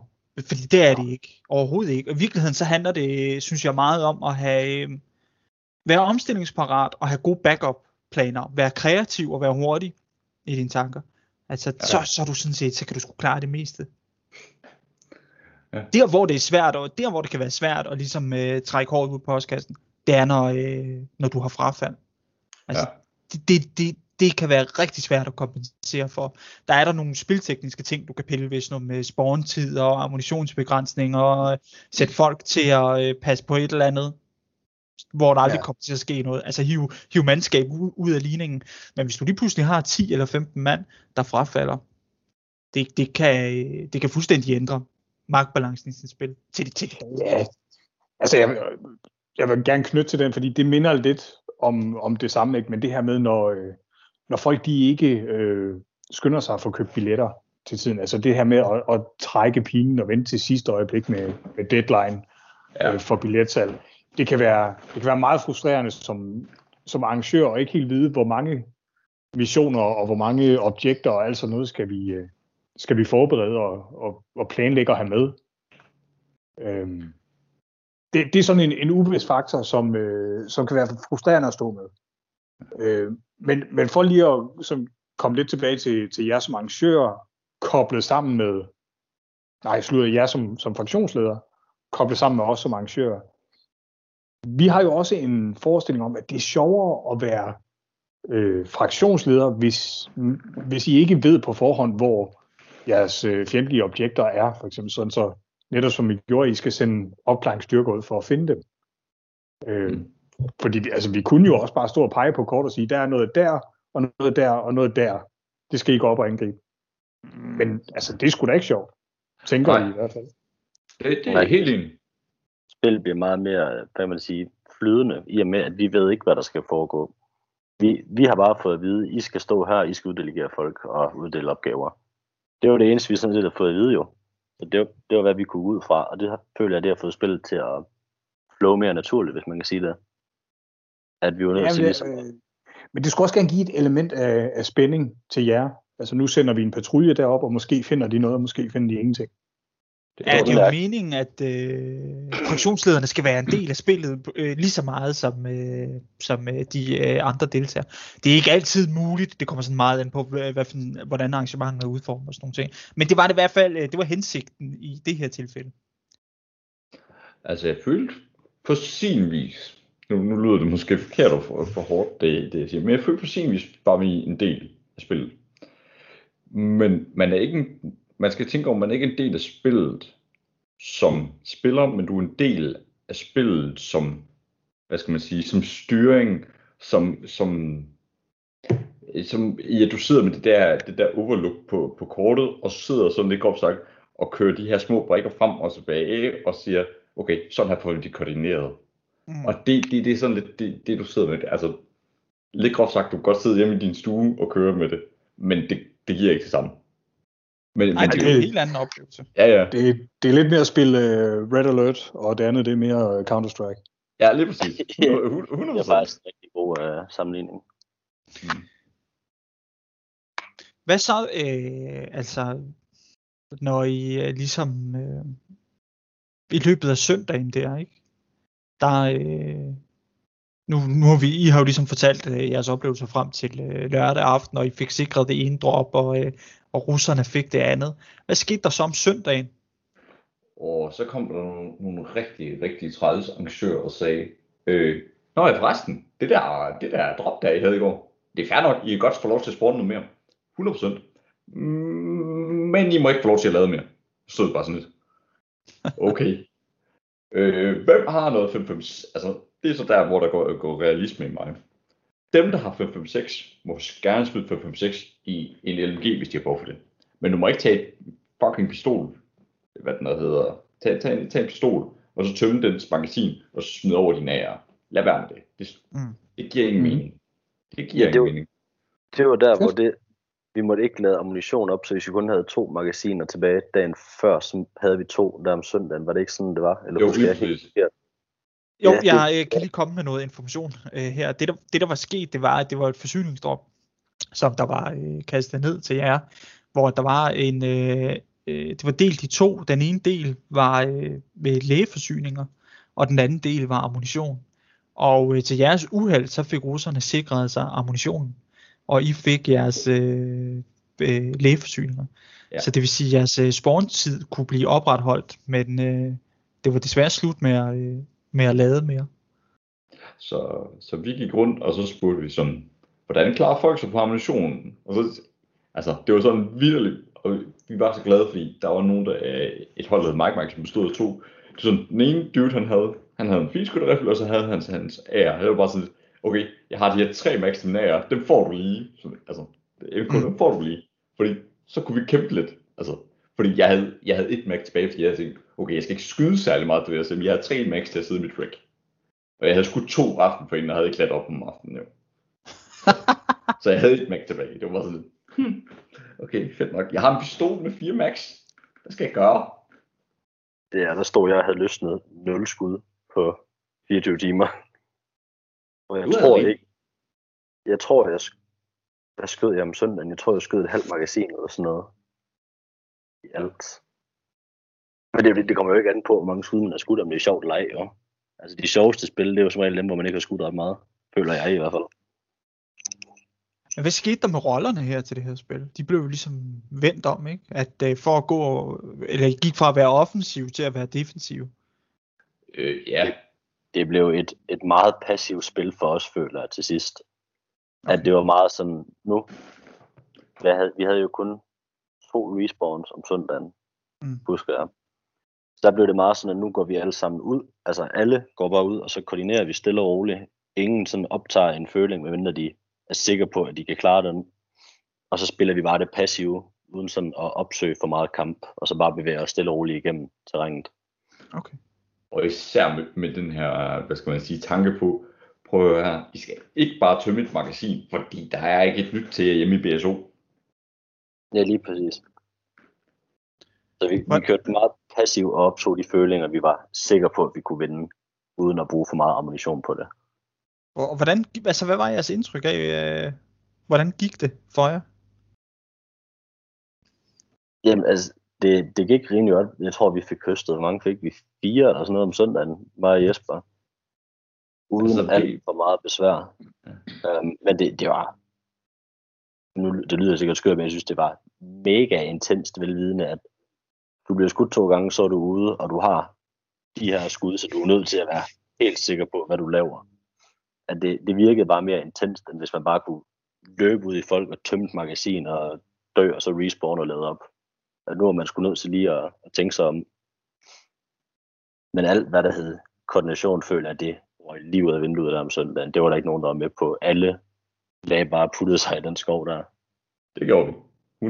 Altså det, det var der, der sagde vi bare, okay, det her, det, det, men det var også fordi, altså, der var nogle folk, som havde ude på en natten mission, som var trætte, der var nogen, der havde, altså, der var, der var et hold, der ikke, der ikke lige følte sig, altså, op til at spille der på morgenen af. Færre nok, altså, de sagde det da i mindst i stedet for, at man bare stod sådan bagefter, og tænkte, okay, hvad, hvad gik det ud på? Men, men, men vi fik lige sådan, at der var nogen, der ikke kunne spille, på grund af, at de havde, havde været ude på et natspil. Og altså, de var, de var nedkæmpet. Så de var ude på en føling, og så var de tilbage, og så sagde de, okay, vi kan ikke mere. Det er fair nok. Og så, så det, vi endte faktisk bare med, at vi lagde nogle stillinger op i stedet for sådan rundt omkring, og sagde, okay, sådan her kæmper vi, i stedet for så ligger vi og kæmper stillingskrig, i stedet for at kæmpe offensiv krig. Det lyder da som om, at det var en fin strategi. I virkeligheden, synes jeg. Det fungerede. Det fungerede til den grad, som vi vil have det til at fungere. Ja, det kan man ja, sige det. Ja, ja, ja, ja. Vi blev i hvert fald ikke alle sammen nedkæmpet til sidst. det- Vi var stadigvæk, der var vi fire mand tilbage, tror jeg. Så I fik ikke nedkæmpet os, men jeg tror heller ikke, vi fik alle roserne. Nej, det gjorde vi ikke. Nej, nej, nej, det gjorde jeg ikke. Altså, Altså, vi, vi, vi, øh, jeg kan huske, vi løb i hvert fald for en føling, hvor vi bare tænkte, det der, det, det der det er en stor gruppe. Vi så ikke andet end to mænd fra den gruppe, tror jeg. Men vi var bare enige om, den måde, som de går på der. Hvis de går på den måde, så er de enten sindssyge og bare siger, det her, vi er bare supermænd, og vi skal bare, det her, det fungerer bare. Ellers så kommer de med en gruppe med 12 mand i ryggen, og vi bliver bare nedkæmpet og meget ned lige om lidt. Så vi vendte, os om, og så sagde vi bare, det, det blev den anden vej.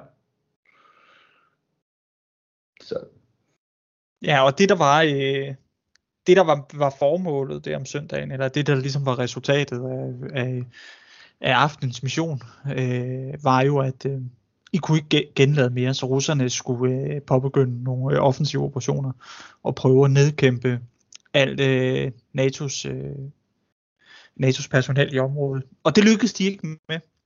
De skulle øh, nedkæmpe øh, officerer og øh, befalingsmænd. Øh, men øh, da vi stoppede, der var der stadig en øh, masse i live og sådan noget der.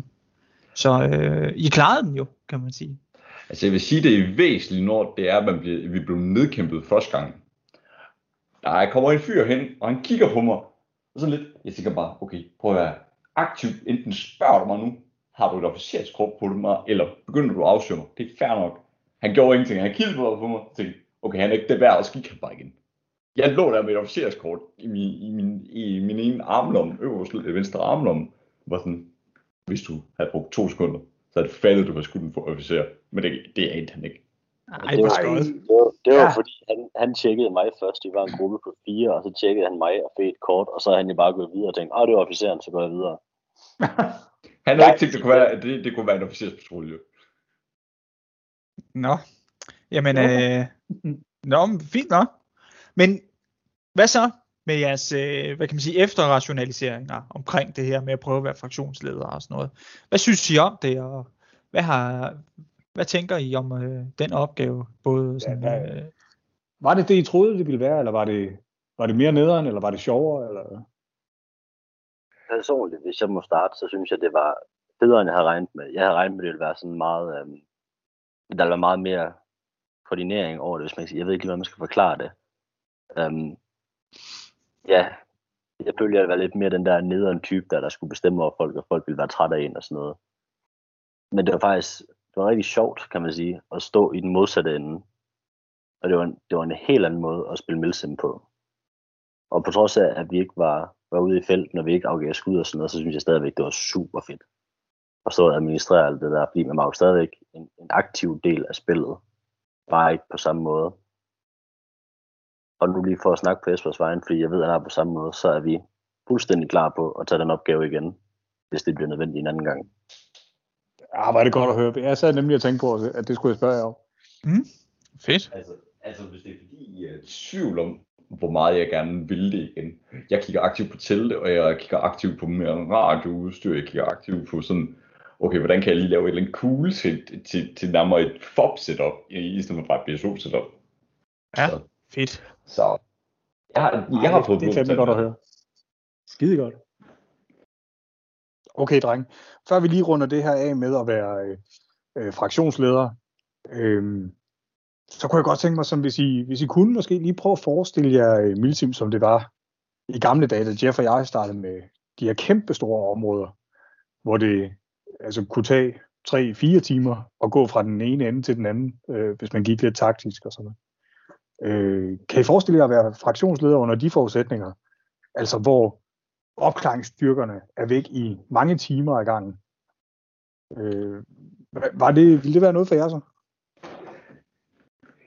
Det er uden tvivl noget, jeg vil synes, der kunne være super spændende, fordi så er man også nødt til at tænke over det på en helt anden måde, end vi gjorde her sidste gang.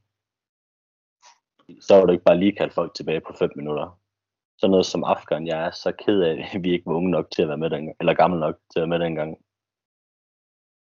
Det, øh, sådan noget, det gad jeg godt se. Hold kæft, var I ikke gamle nok dengang? Nej, jeg tror kun, jeg var 15 til Afghan eller sådan noget. Nej, var du ikke er det 17? vildt. Var du ikke 17 til Afghan? Og vi anede ikke, hvad Milsim var. Jeg anede ikke, hvad Milsim var på det tidspunkt, hvor Afghan er afholdt. Okay. Der kan man sgu da bare se.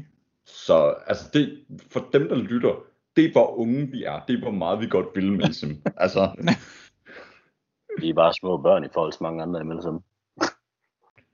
åh, ja. Men, Nå, men men, det er vi- vigtigt. Altså, det er jo... Øh, hvis vi ikke får øh, nye med, altså, så kunne vi lige så godt lægge det hele ned, jo. Ja. Øh, det er jo meningen, at vi skal have, øh, have flere og flere og flere, ikke? Altså, øh, så øh, det er fedt.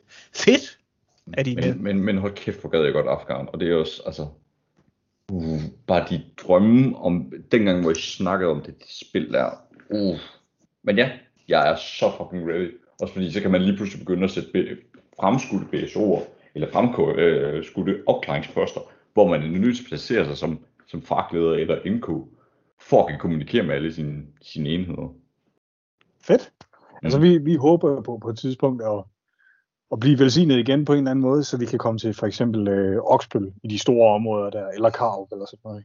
Ja. Ja. Hvor vi netop kan få de her kæmpe store områder igen, og hvor det altså, det tager, det tager en times tid at gå hen til det objekt, man skal, og så tager det x antal tid at slås derhen, og hvis du bliver ramt, så skal du altså gå øh, en halv time tilbage, og så respawn i en halv time.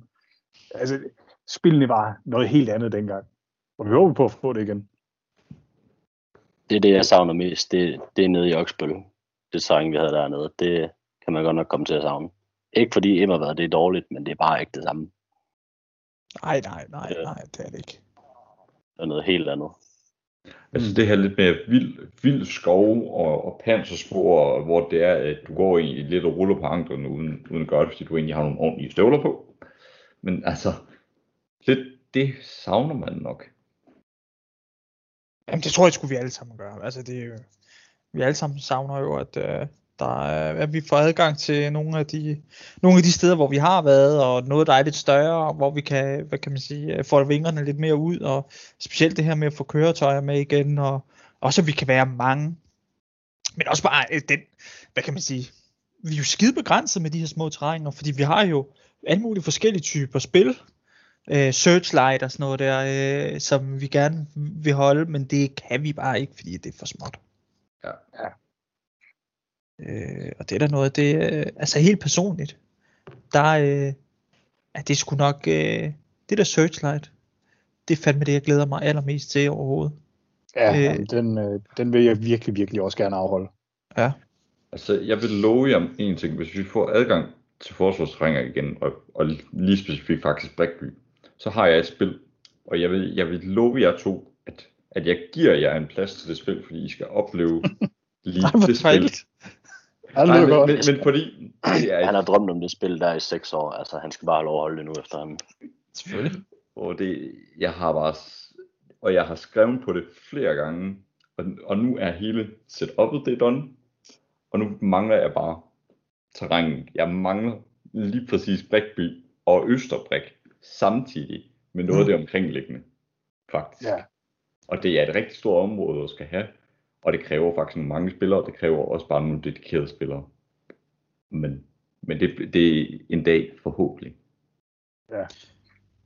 Der er heller ikke noget, at vi hellere vil, end at øh, der er flere, der afholder spil, så vi kan komme ud og være, øh, altså bare deltage, og ikke at skal være arrangører hver gang. Kan jeg godt forstå. Cirka godt et klik nord for bassernes stilling. Skift. Modtaget. Hvis I ser tre nede i gutter, så er det værd at skyde mindre hjælp. I er i. Er det modtaget? Det er modtaget, slut. Så, drenge, jeg har, øh, jeg har skrevet ned her noget af det, øh, jeg gerne vil spørge jer om. Det var jeres sjoveste oplevelse med Milsim, eller det fedeste spil, I var til. Øh, så det gør jeg nu. Hvad, hvad var det sjoveste? Hvad er det fedeste, I har prøvet? Den skal du have, Jesper. Du har din mammut, du vil have. Altså, du, du, du får mig ikke til at sige, at det fedeste spil, jeg ikke har været med til, det ikke var Mammut.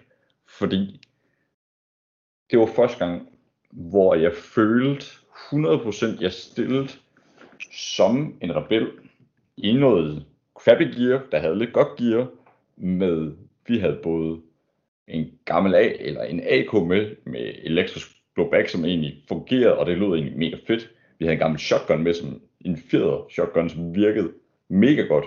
Og så havde vi en M4 med, og vi havde en, en finskytteriften med. Og vi havde vores skillis med, og det, det var bare så, uh, det var så perfekt. Og så tænker vi, det her det bliver godt. Og vi kommer ud i terrænet, og, vi, og, i, og russen begynder at trække ind i terrænet, og vi ligger her, og så skal til at, til at plukke dem og drille dem lidt. Og det hele spillet kører bare godt. Og, og Ja, vi bliver slået jeg- lidt, lidt, lidt tilbage, og uh. Undskyld, jeg, jeg stopper lige. Jeg får bare lige lyst til at, at lige, øh, lige nævne her.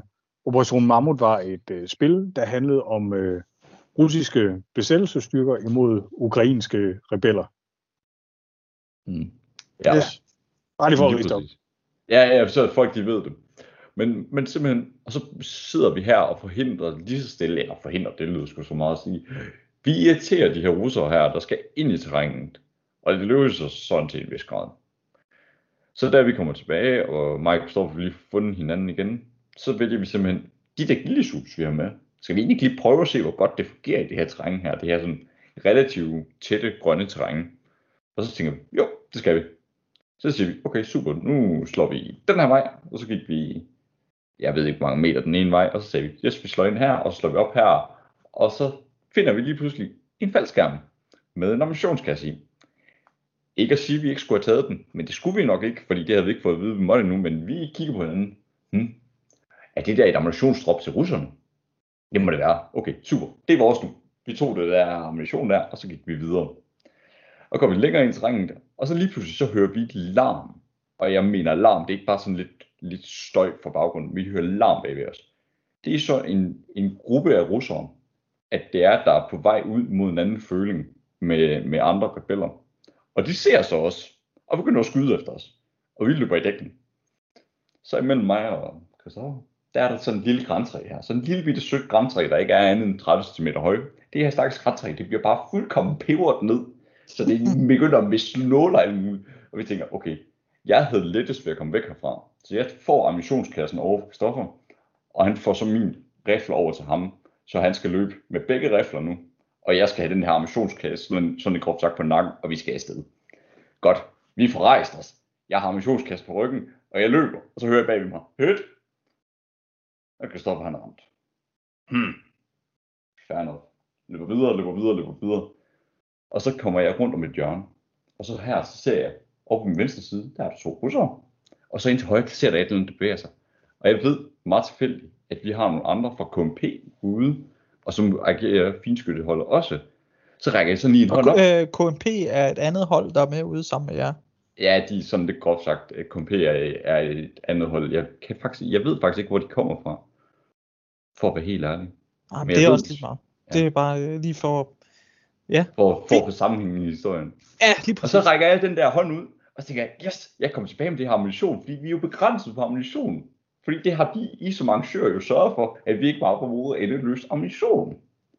Og så rækker jeg hånden ud, og så bang, bliver jeg skudt af mine egne styrker. Hele det scenarie fra, at russerne går ind i terrænet til at blive skudt af mine egne styrker, fordi det viser faktisk kærlighed i en kampsituation. Det er det fedeste, jeg har prøvet. Og det er ikke noget, der har over... Og det var noget, der havde udspillet sig over en 6 timers forløb.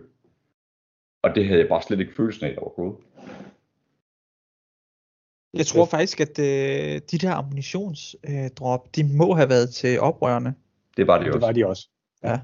Det var de også. Men vi, t- vi tænkte inde i vores hoved, at, at okay, det, det må være til russerne. Sådan, lidt. vi havde ikke fået noget at vide om nogen ammunitionsdrop eller noget. Og det var jo faktisk for tidligt, vi tog den. Fik vi jo senere at vide. Nå. Fik du en royal skidevalg, Kim? Nej, det gjorde jeg ikke. Kim, han kom, Kim, han kom helt stille ned i vores spurgte, hvor vi havde den ammunition derfra. Og kom, kom jeg så stolt, som jeg nu var, sagde, det der er det taget sammen med Kristoffer. Så sagde han, nå, det var ikke helt meningen. Jeg var meget stille og roligt og sagde, nå, det var ikke helt meningen. Hvordan skulle jeg vide det? Jamen, og det er jo nemlig det. Havde vi nu haft en, en stor skov, kæmpe stort område, så havde det været nemt at lægge de her ud på forhånd, og så ville I sandsynligvis ikke have fundet dem, før at det var meningen, I skulle lede efter dem. Men fordi vi skulle spille på så lidt plads, jamen så ja, er der jo desværre en ret stor sandsynlighed for, at nogen falder over det før tid. Men jeg får lyst til lige at spørge jer om, til det her spil, der øh, kunne I jo i sagens natur ikke stille i øh, komplet uniform og Gucci-grej og sådan noget. Der, altså der, der var jeres rolle at spille som rebeller. Hvad synes I om det? Ja, det er jo klart noget andet end, end vores totale Gucci-gear, vi rendte i. Det er jo sådan lidt, okay, hvad har vi af, af grej, vi ikke har brugt før, og gamle uniformsbukser og så videre, og hvor meget kan vi skære det her ned, så vi stadigvæk har en chance. Og det er sådan set fedt, fordi så er man nødt til at, at spille på den måde, og man har ikke sin lækre optik og frontgreb og lyddæmper og alt muligt på riflerne mere. Og man var Okay. okay. fuldstændig det ned i, hvad man havde, og det gav bare lidt en anden følelse. Man følte sig lidt mere sådan, det var fandme guerrilla warfare, det her. Ja. Nu kæmper vi med det, vi har, og ikke alt vores Gucci gear. Fedt. Men det, men det var ikke svært for jer sådan at skulle, skulle affinde jer med, at det var altså jeres rolle til det her spil. Øh, det var ikke noget, I var ærgerlige over eller sure over eller noget. Nej. Overhovedet ikke. Altså, det var, det var, altså, nu havde vi ikke russer grej, men vi havde, at vi kunne spille rebel, så stillede vi rebel. Altså, hvis ja. man virkelig bliver med til sim, så finder man en løsning, og det gjorde vi der. Men jeg synes altså, helt personligt, så synes jeg, noget af det, der er mest sjov og mest interessant og mest spændende, det er øh, de her øh, asymmetriske styrker. Talibaner, Al-Qaida, oprørere, partisaner og sådan noget. Jeg synes, det er det fedeste. Ej, hvor jeg elsker det. Jeg, jeg, jeg kan virkelig godt lide det der. Øh, jamen, og jeg, det, jeg har svært ved at sætte ord på, hvad det er, men jeg synes bare, øh, det her med øh, bare have et chest rig og nogle camouflagebukser og slippe rundt på en AK og sådan noget. Jeg synes bare, det er fedt. Jeg elsker alt ved det. Jamen, jeg har det på samme måde, men jeg ved også godt, at det er et fortal af, af spillere, der har det på den måde. Mm. Øh, Mm. altså, nogen, nogen gør som jeg, dreng, hvor I vil bare gerne ud og spille, og så gør I fandme det, der skal til. Og andre, det er måske mere ligesom Jeff og mig, der, ja, der måske endda ville, ville vælge den side, hvis, hvis det var et frit valg. Men, men der er også meget af det her med, med for, for mit vedkommende i hvert fald, og sikkert også for dig, Kim, det ved jeg, jeg tror godt, jeg tror, jeg taler på for Spektos vegne nu, at der er en del af, der er simpelthen så meget kreativ udfoldelse øh, forbundet med det her med at lave rebel setup, og i virkeligheden så er det jo fandme cosplay, øh, 90% af det, ikke? Altså at lave Ja. noget, der ser rigtig fedt ud, og man sidder og kigger på billeder og tænker, wow, og, altså prøv virkelig at ramme lige ned i nerven på, på temaet for spillet og sådan noget. Og jeg synes bare, øh, det er fedt, at jeg kan nørde det der i måneder op til. Jeg synes, det er så fedt. Ja, men det, det er også der, det rammer mig. Altså, jeg, vil- jeg vil også indrømme at spille asymmetriske styrker. Det, uh, det er sådan, jeg er lige ved at hellere vil spille asymmetriske styrker, frem for at spille NATO. Men NATO vil jeg hellere spille, hvis det er fordi, at, at hvad skal man sige, NATO-holdet spiller godt sammen. Hvis NATO-holdet spiller sådan lidt, okay, der er nogen, der spiller derovre, nogen, der spiller derovre, nogen, der spiller derovre, så vil jeg hellere spille asymmetrisk. Ah, det, Det- øh, kan du prøve at, øh, kan du prøve at sige det igen, men på en anden måde? Ej, hvis, du- du- hvis, hold, hvis grupperne spiller hver for sig, hvis der er kommet fire grupper, og de fire grupper, de ikke vil spille sammen, Nå, så, ja, så, så okay. er det 10 gange bedre at spille den asym- asymmetriske styrke som, som fire forskellige grupper, fordi det vil være mere realistisk, at de ikke spiller sammen. Okay. Så Hvor du er tænker på din- det her med altså, koordinering og samarbejde? Lige præcis. Okay. Ja, Ja. det er jo et fint ord for det.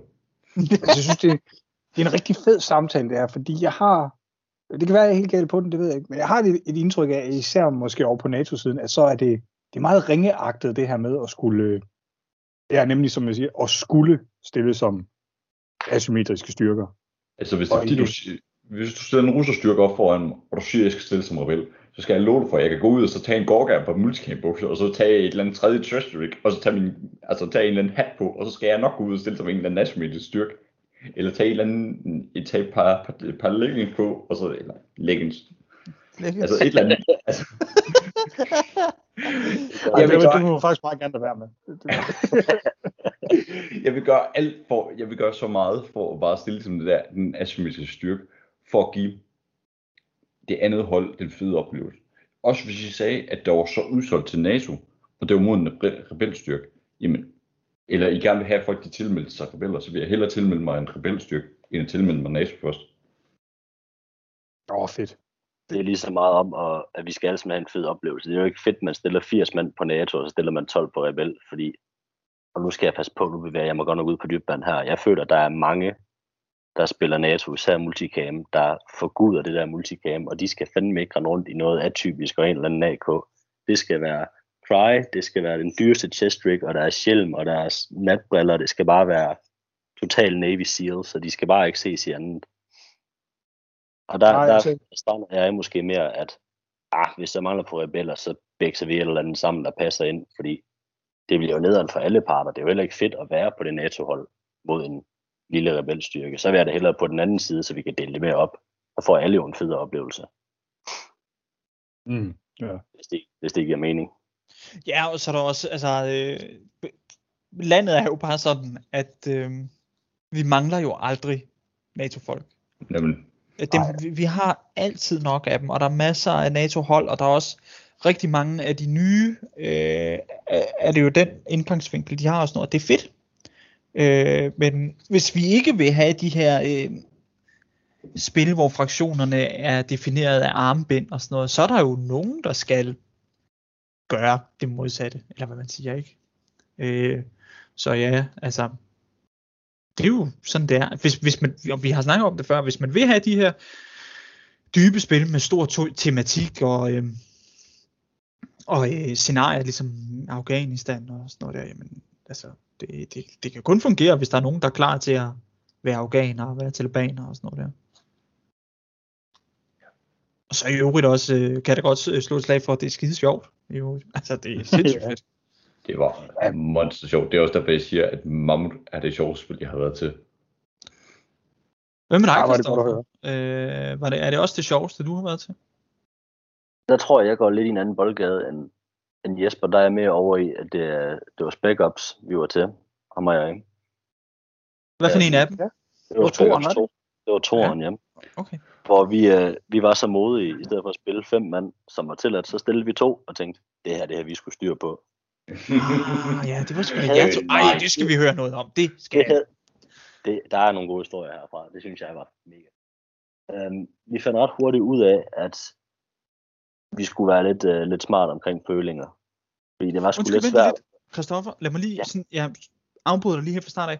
Kan du ikke bare lige tage den fra start af, simpelthen. Altså for, fortæl det her, eller begge to, fortæl lige det her arrangement for os. Øh, hvad gik det ud på, og så bare tage os igennem kronologisk, hvad, hvad der skete for jer.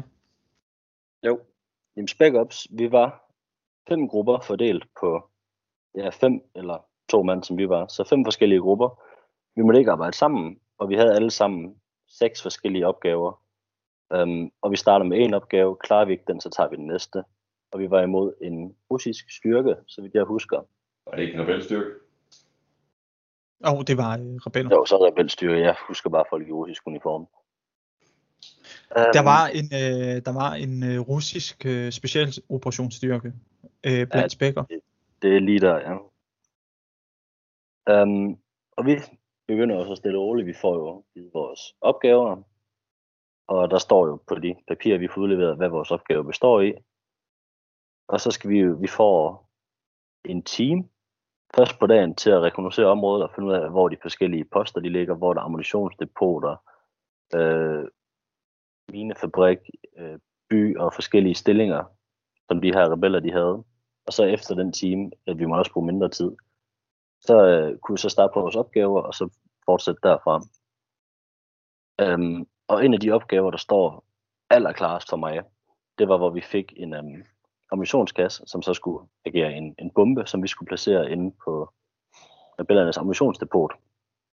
Og vi havde jo fundet ud af i løbet af dagen, at vi skulle virkelig være smart omkring følinger, fordi vi var stort i undertal, og vi kunne ikke bare kæmpe os igennem alting.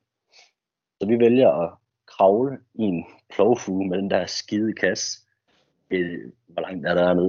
300 meter. Jeg tror, vi bruger en tre kvarter time bare på at ligge og kravle den plovfuge der, og så ligger vi og afventer øhm, lige i udkanten af ammunitionsdepotet. Og der ligger vi også i, jeg aner ikke hvor lang tid, fordi vi kan høre, folk snakker, og folk går rundt. Jeg Så tror, vi ligger bare- vi, jeg tror, vi ligger der omkring i en time, og, og så bliver det stille. Ja, vi ligger en times tid, og så begynder det ligesom at dø ud. Folk er stille, og så vurderer vi, okay, vi forsøger at rykke ind, og folk de åbner bare ind fuldstændig imod os. Altså det, vi tænker, der er måske to mand, og jeg tror, der er 12 eller andet, nok overdrevet, men vi bliver bare beskudt fra samtlige vinkler. Så vi har bare brugt to timer på at snige os ind i det område der, bare for at blive nedkæmpet på to minutter.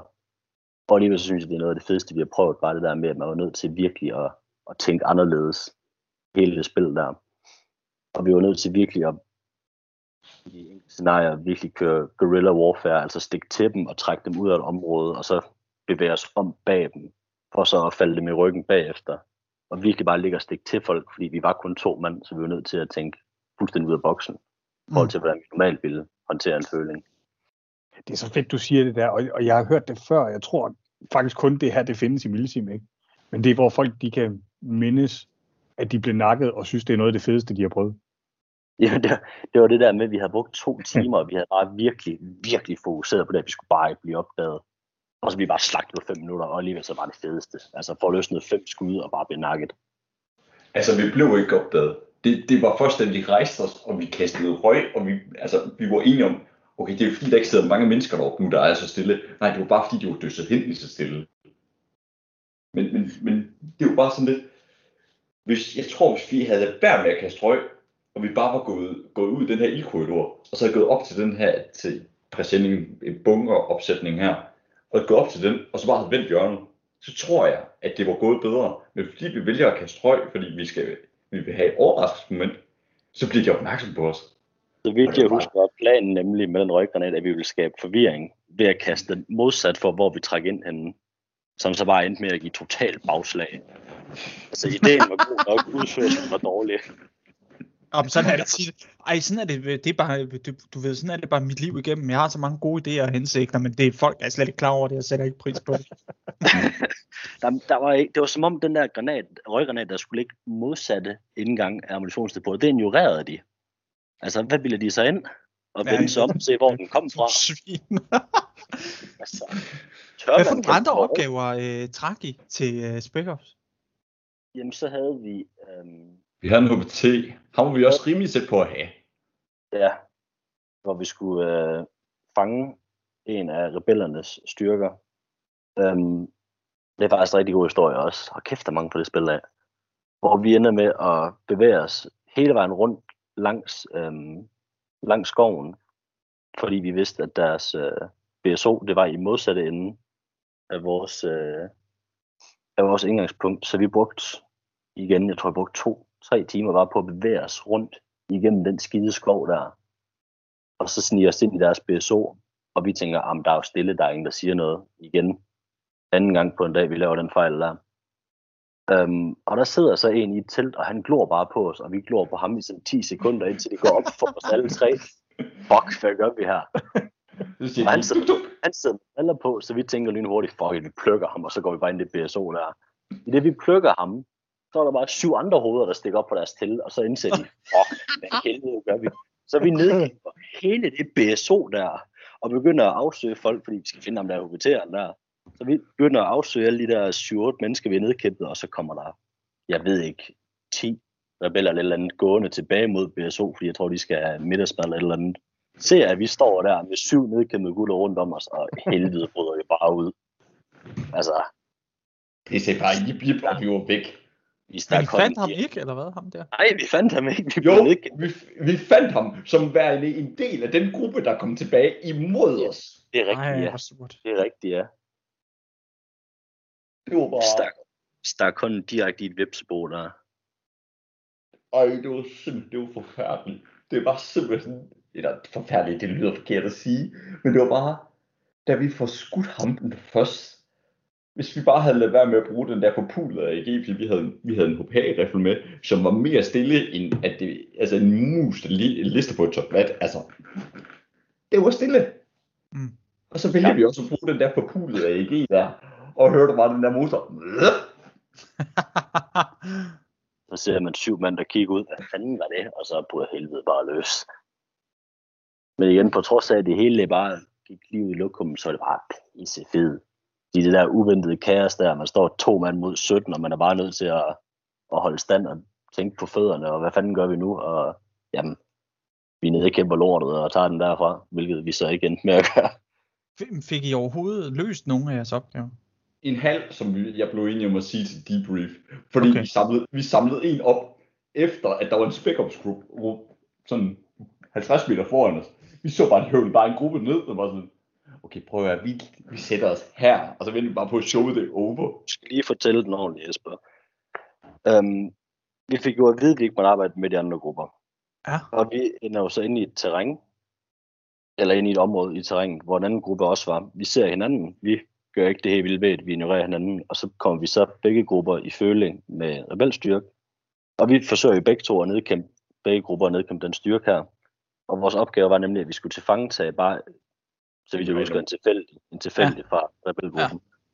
Ja. Um, vi vælger så efter den ildkamp her at tage en, der hersker stor tvivl i øjeblikket, om det er os eller den anden gruppe, der har nedkæmpet ham. Nå, men Det er jo lige meget. Det er jo fuldstændig lige meget. Altså, det, I måtte godt Det snatche nogen. Ja, ja, det må de godt. Det sagde du ikke. Øh, jo, jo, altså, I må bare ikke arbejde sammen på den måde, Nej. at I arbejder sammen om at løse opgaven, men I må, altså, hvis der er nogen, der har wasted en eller anden, så må de godt skrabe ham op der. Det er ingen, der er ingen skam i det der. Ej, Nej, jeg- det- jeg husker det er bare også, at om udnytte Der var, en, Det er der, var en der var en mindre diskussion. Jeg kan huske, hvem af jer, men vi havde en lille diskussion bagefter, hvorvidt den egentlig var helt god i kanten, hvor vi også blev enige om, at ah, den, den var sgu egentlig god nok. Det var bare rigtigt sted på rigtigt tidspunkt. Men jeg husker i øjeblikket, at der var en lille, lille samtale, om det var det rigtige at gøre eller ej. Med mig, eller- med mig og Kim? Ja, men jeg kan ikke huske, hvem det var. Det må have været Kim. Nej, det, vi har måske bare lige skulle afklare omkring øh, øh, de faktiske ting, hvad der lige var sket, men øh, nej, det er helt fint. Øh, det, det var der også nogen, der gjorde til Spec Ops 1 i øvrigt. Det er bare, øh, ja, som Kim siger, at man øh, udnytter de muligheder, der præsenterer sig. Ellers så bliver det svært, øh, og Spec Ops er jo øh, traditionen tro, at det er jo en spilserie, som er svær, og vi ved, det er svært, og det er meningen, det skal være svært. Det, det der bare gik galt til det første, det var, at øh, patruljerne, specialoperationsstyrkerne, øh, var under indtrykket af, at øh, de for alt i verden skulle slå hinanden ihjel. Øh, og det var jo ikke meningen. Øh, de må godt. De, altså, og der var vi sådan, vi var lidt mere skarpe på vores formulering i, øh, hvad kan man sige, til Spec Ops 2, og sige, at øh, de skal ikke prøve, altså de skal ikke slå hinanden ihjel. De må godt bare se bort fra hinandens tilstedeværelse, hvis det gør det nemmere for dem at løse deres opgave. Omvendt, hvis det gør det nemmere for dem at løse deres opgave, og, og plukke nogle andre øh, spec ops patruljer, så må man også godt det. Ja, men, men som, som Jeff han siger, hele essensen i spillet her, det er missionen først og fremmest. Ja. Altså alt, alt det her med trigger time og sådan noget der, det er sådan noget, man gør, hvis det giver mening for at løse opgaven. Ja, lige præcis. Det, det stillede de meget stort op, at det var sgu bedre, at man bare lagde to timer og kiggede på folk, end man hovedløst begyndte at affyre skud mod dem. Og det er også det, der er det fede ved Spec Ops, at man er sgu nødt til at tænke sig om, fordi man er en mindre styrke, man har ingen hjælp til at udføre opgaven. Det er dig selv og dine makkere ved siden af. Og så er man bare nødt til at tænke sig om. Jeg håber også meget, at vi kan komme til at afholde spec ops igen, øh, men øh, der skal vi simpelthen have adgang til øh, nogle større terrænger. Og så har vi snakket om også, at øh, en eventuel træer, der kan det være, at vi ændrer formatet en lille smule, så at øh, patruljerne faktisk skal arbejde sammen. Men øh, det er nok ikke noget, vi lige sådan kan øh, garantere nu. Men øh, det er lige sådan en lille teaser om, øh, hvad der måske kan være i fremtiden. Øh, har du noget, du vil sige til det, Kim? Nej, altså, jo, det er rigtigt nok, vi har, vi har talt om det, ikke? men øh, lad os sige, i så fald, vi lige pludselig får adgang til et rigtig fedt og stort terræn og sådan noget, så, så er der altså en håndfuld andre spil, vi gerne vil afholde først. Det er korrekt.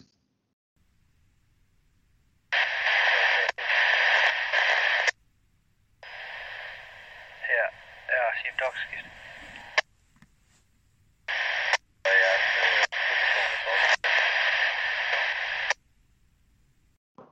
Godt.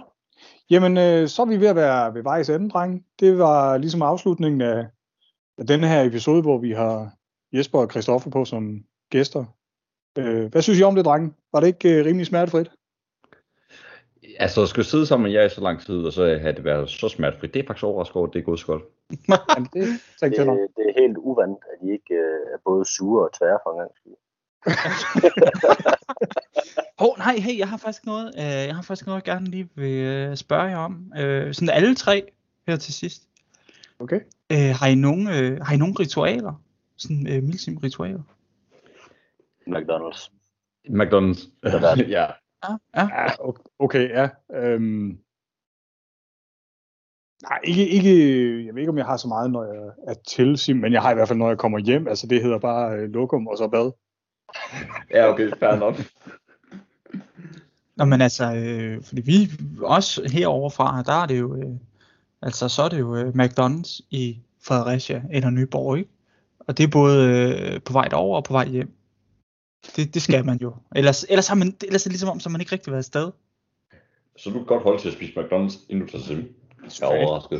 Jeg er Det overrasket. kan det. Det kan det. det Der skal, kan. man, der skal kan være alt. ordentlig mad inden. Og så når vi er derovre, øh, så er det også sådan en, øh, øh, ligesom en øh, tradition eller ritual, at øh, så skal vi lige øh, have noget tobak. Det synes jeg, det passer bare til et milsim, at man sidder og ryger lidt. Altså får et par cigaretter. Ja, den har jeg desværre ikke fået lukket Jesper med på, men øh, Nej. kommer nok en dag. Ja, Jeg altså, jeg har jeg fundet ud af med, øh, med tobak og mig, altså der er det sådan enten eller, altså enten så er jeg ryger, eller også er jeg ikke. Og det vil sige, jeg kan ikke, jeg kan ikke bare lige nyde noget, fordi jeg er til milsim. Jeg vil ønske, jeg kunne, men øh, nej, så, så begynder jeg også at ryge til dagligt igen. Samme. Men så kunne I jo bare, øh, så kunne man sige, øh, så vil du bare milsim hver dag jo. det er rigtigt. Godt for dig. Godt for dig. Okay, okay, godt nok. Øh, hvad, øh, er der nogen af jer, der har noget, I øh, brænder inde med her på øh, faldrevet? Nej, igen, altså jeg synes, det var, øh, det var skide hyggeligt, og det var, det var sjovt at snakke med drengene, fordi øh, øh, jeg ved ikke, om man kan, man kan høre det. Det lyder lidt, som om vi har kendt hinanden i overvis, men i virkeligheden, så kender vi jo faktisk ikke hinanden ret godt. Så det var, øh, det var, det var lidt sjovt at have med som gæster. Lære jer lidt bedre at kende. Jo, tak lige med. Ja. Tak vi måtte være her. Tak fordi I gad at øh, bruge en øh, søndag aften med os. Øh, jamen altså, hvad er det, hvad er Christoffer og øh, Jesper, er det jer, der siger øh, farvel og tak? Jamen, det kan vi godt. Altså, vi siger farvel tak forhåbentlig på gensyn på et eller andet tidspunkt, hvis vi har noget mere vigtigt at snakke om. Ja, det håber vi. Det så ses vi til et en gang. Sådan. Godt. Vi ses. Hej med. jer.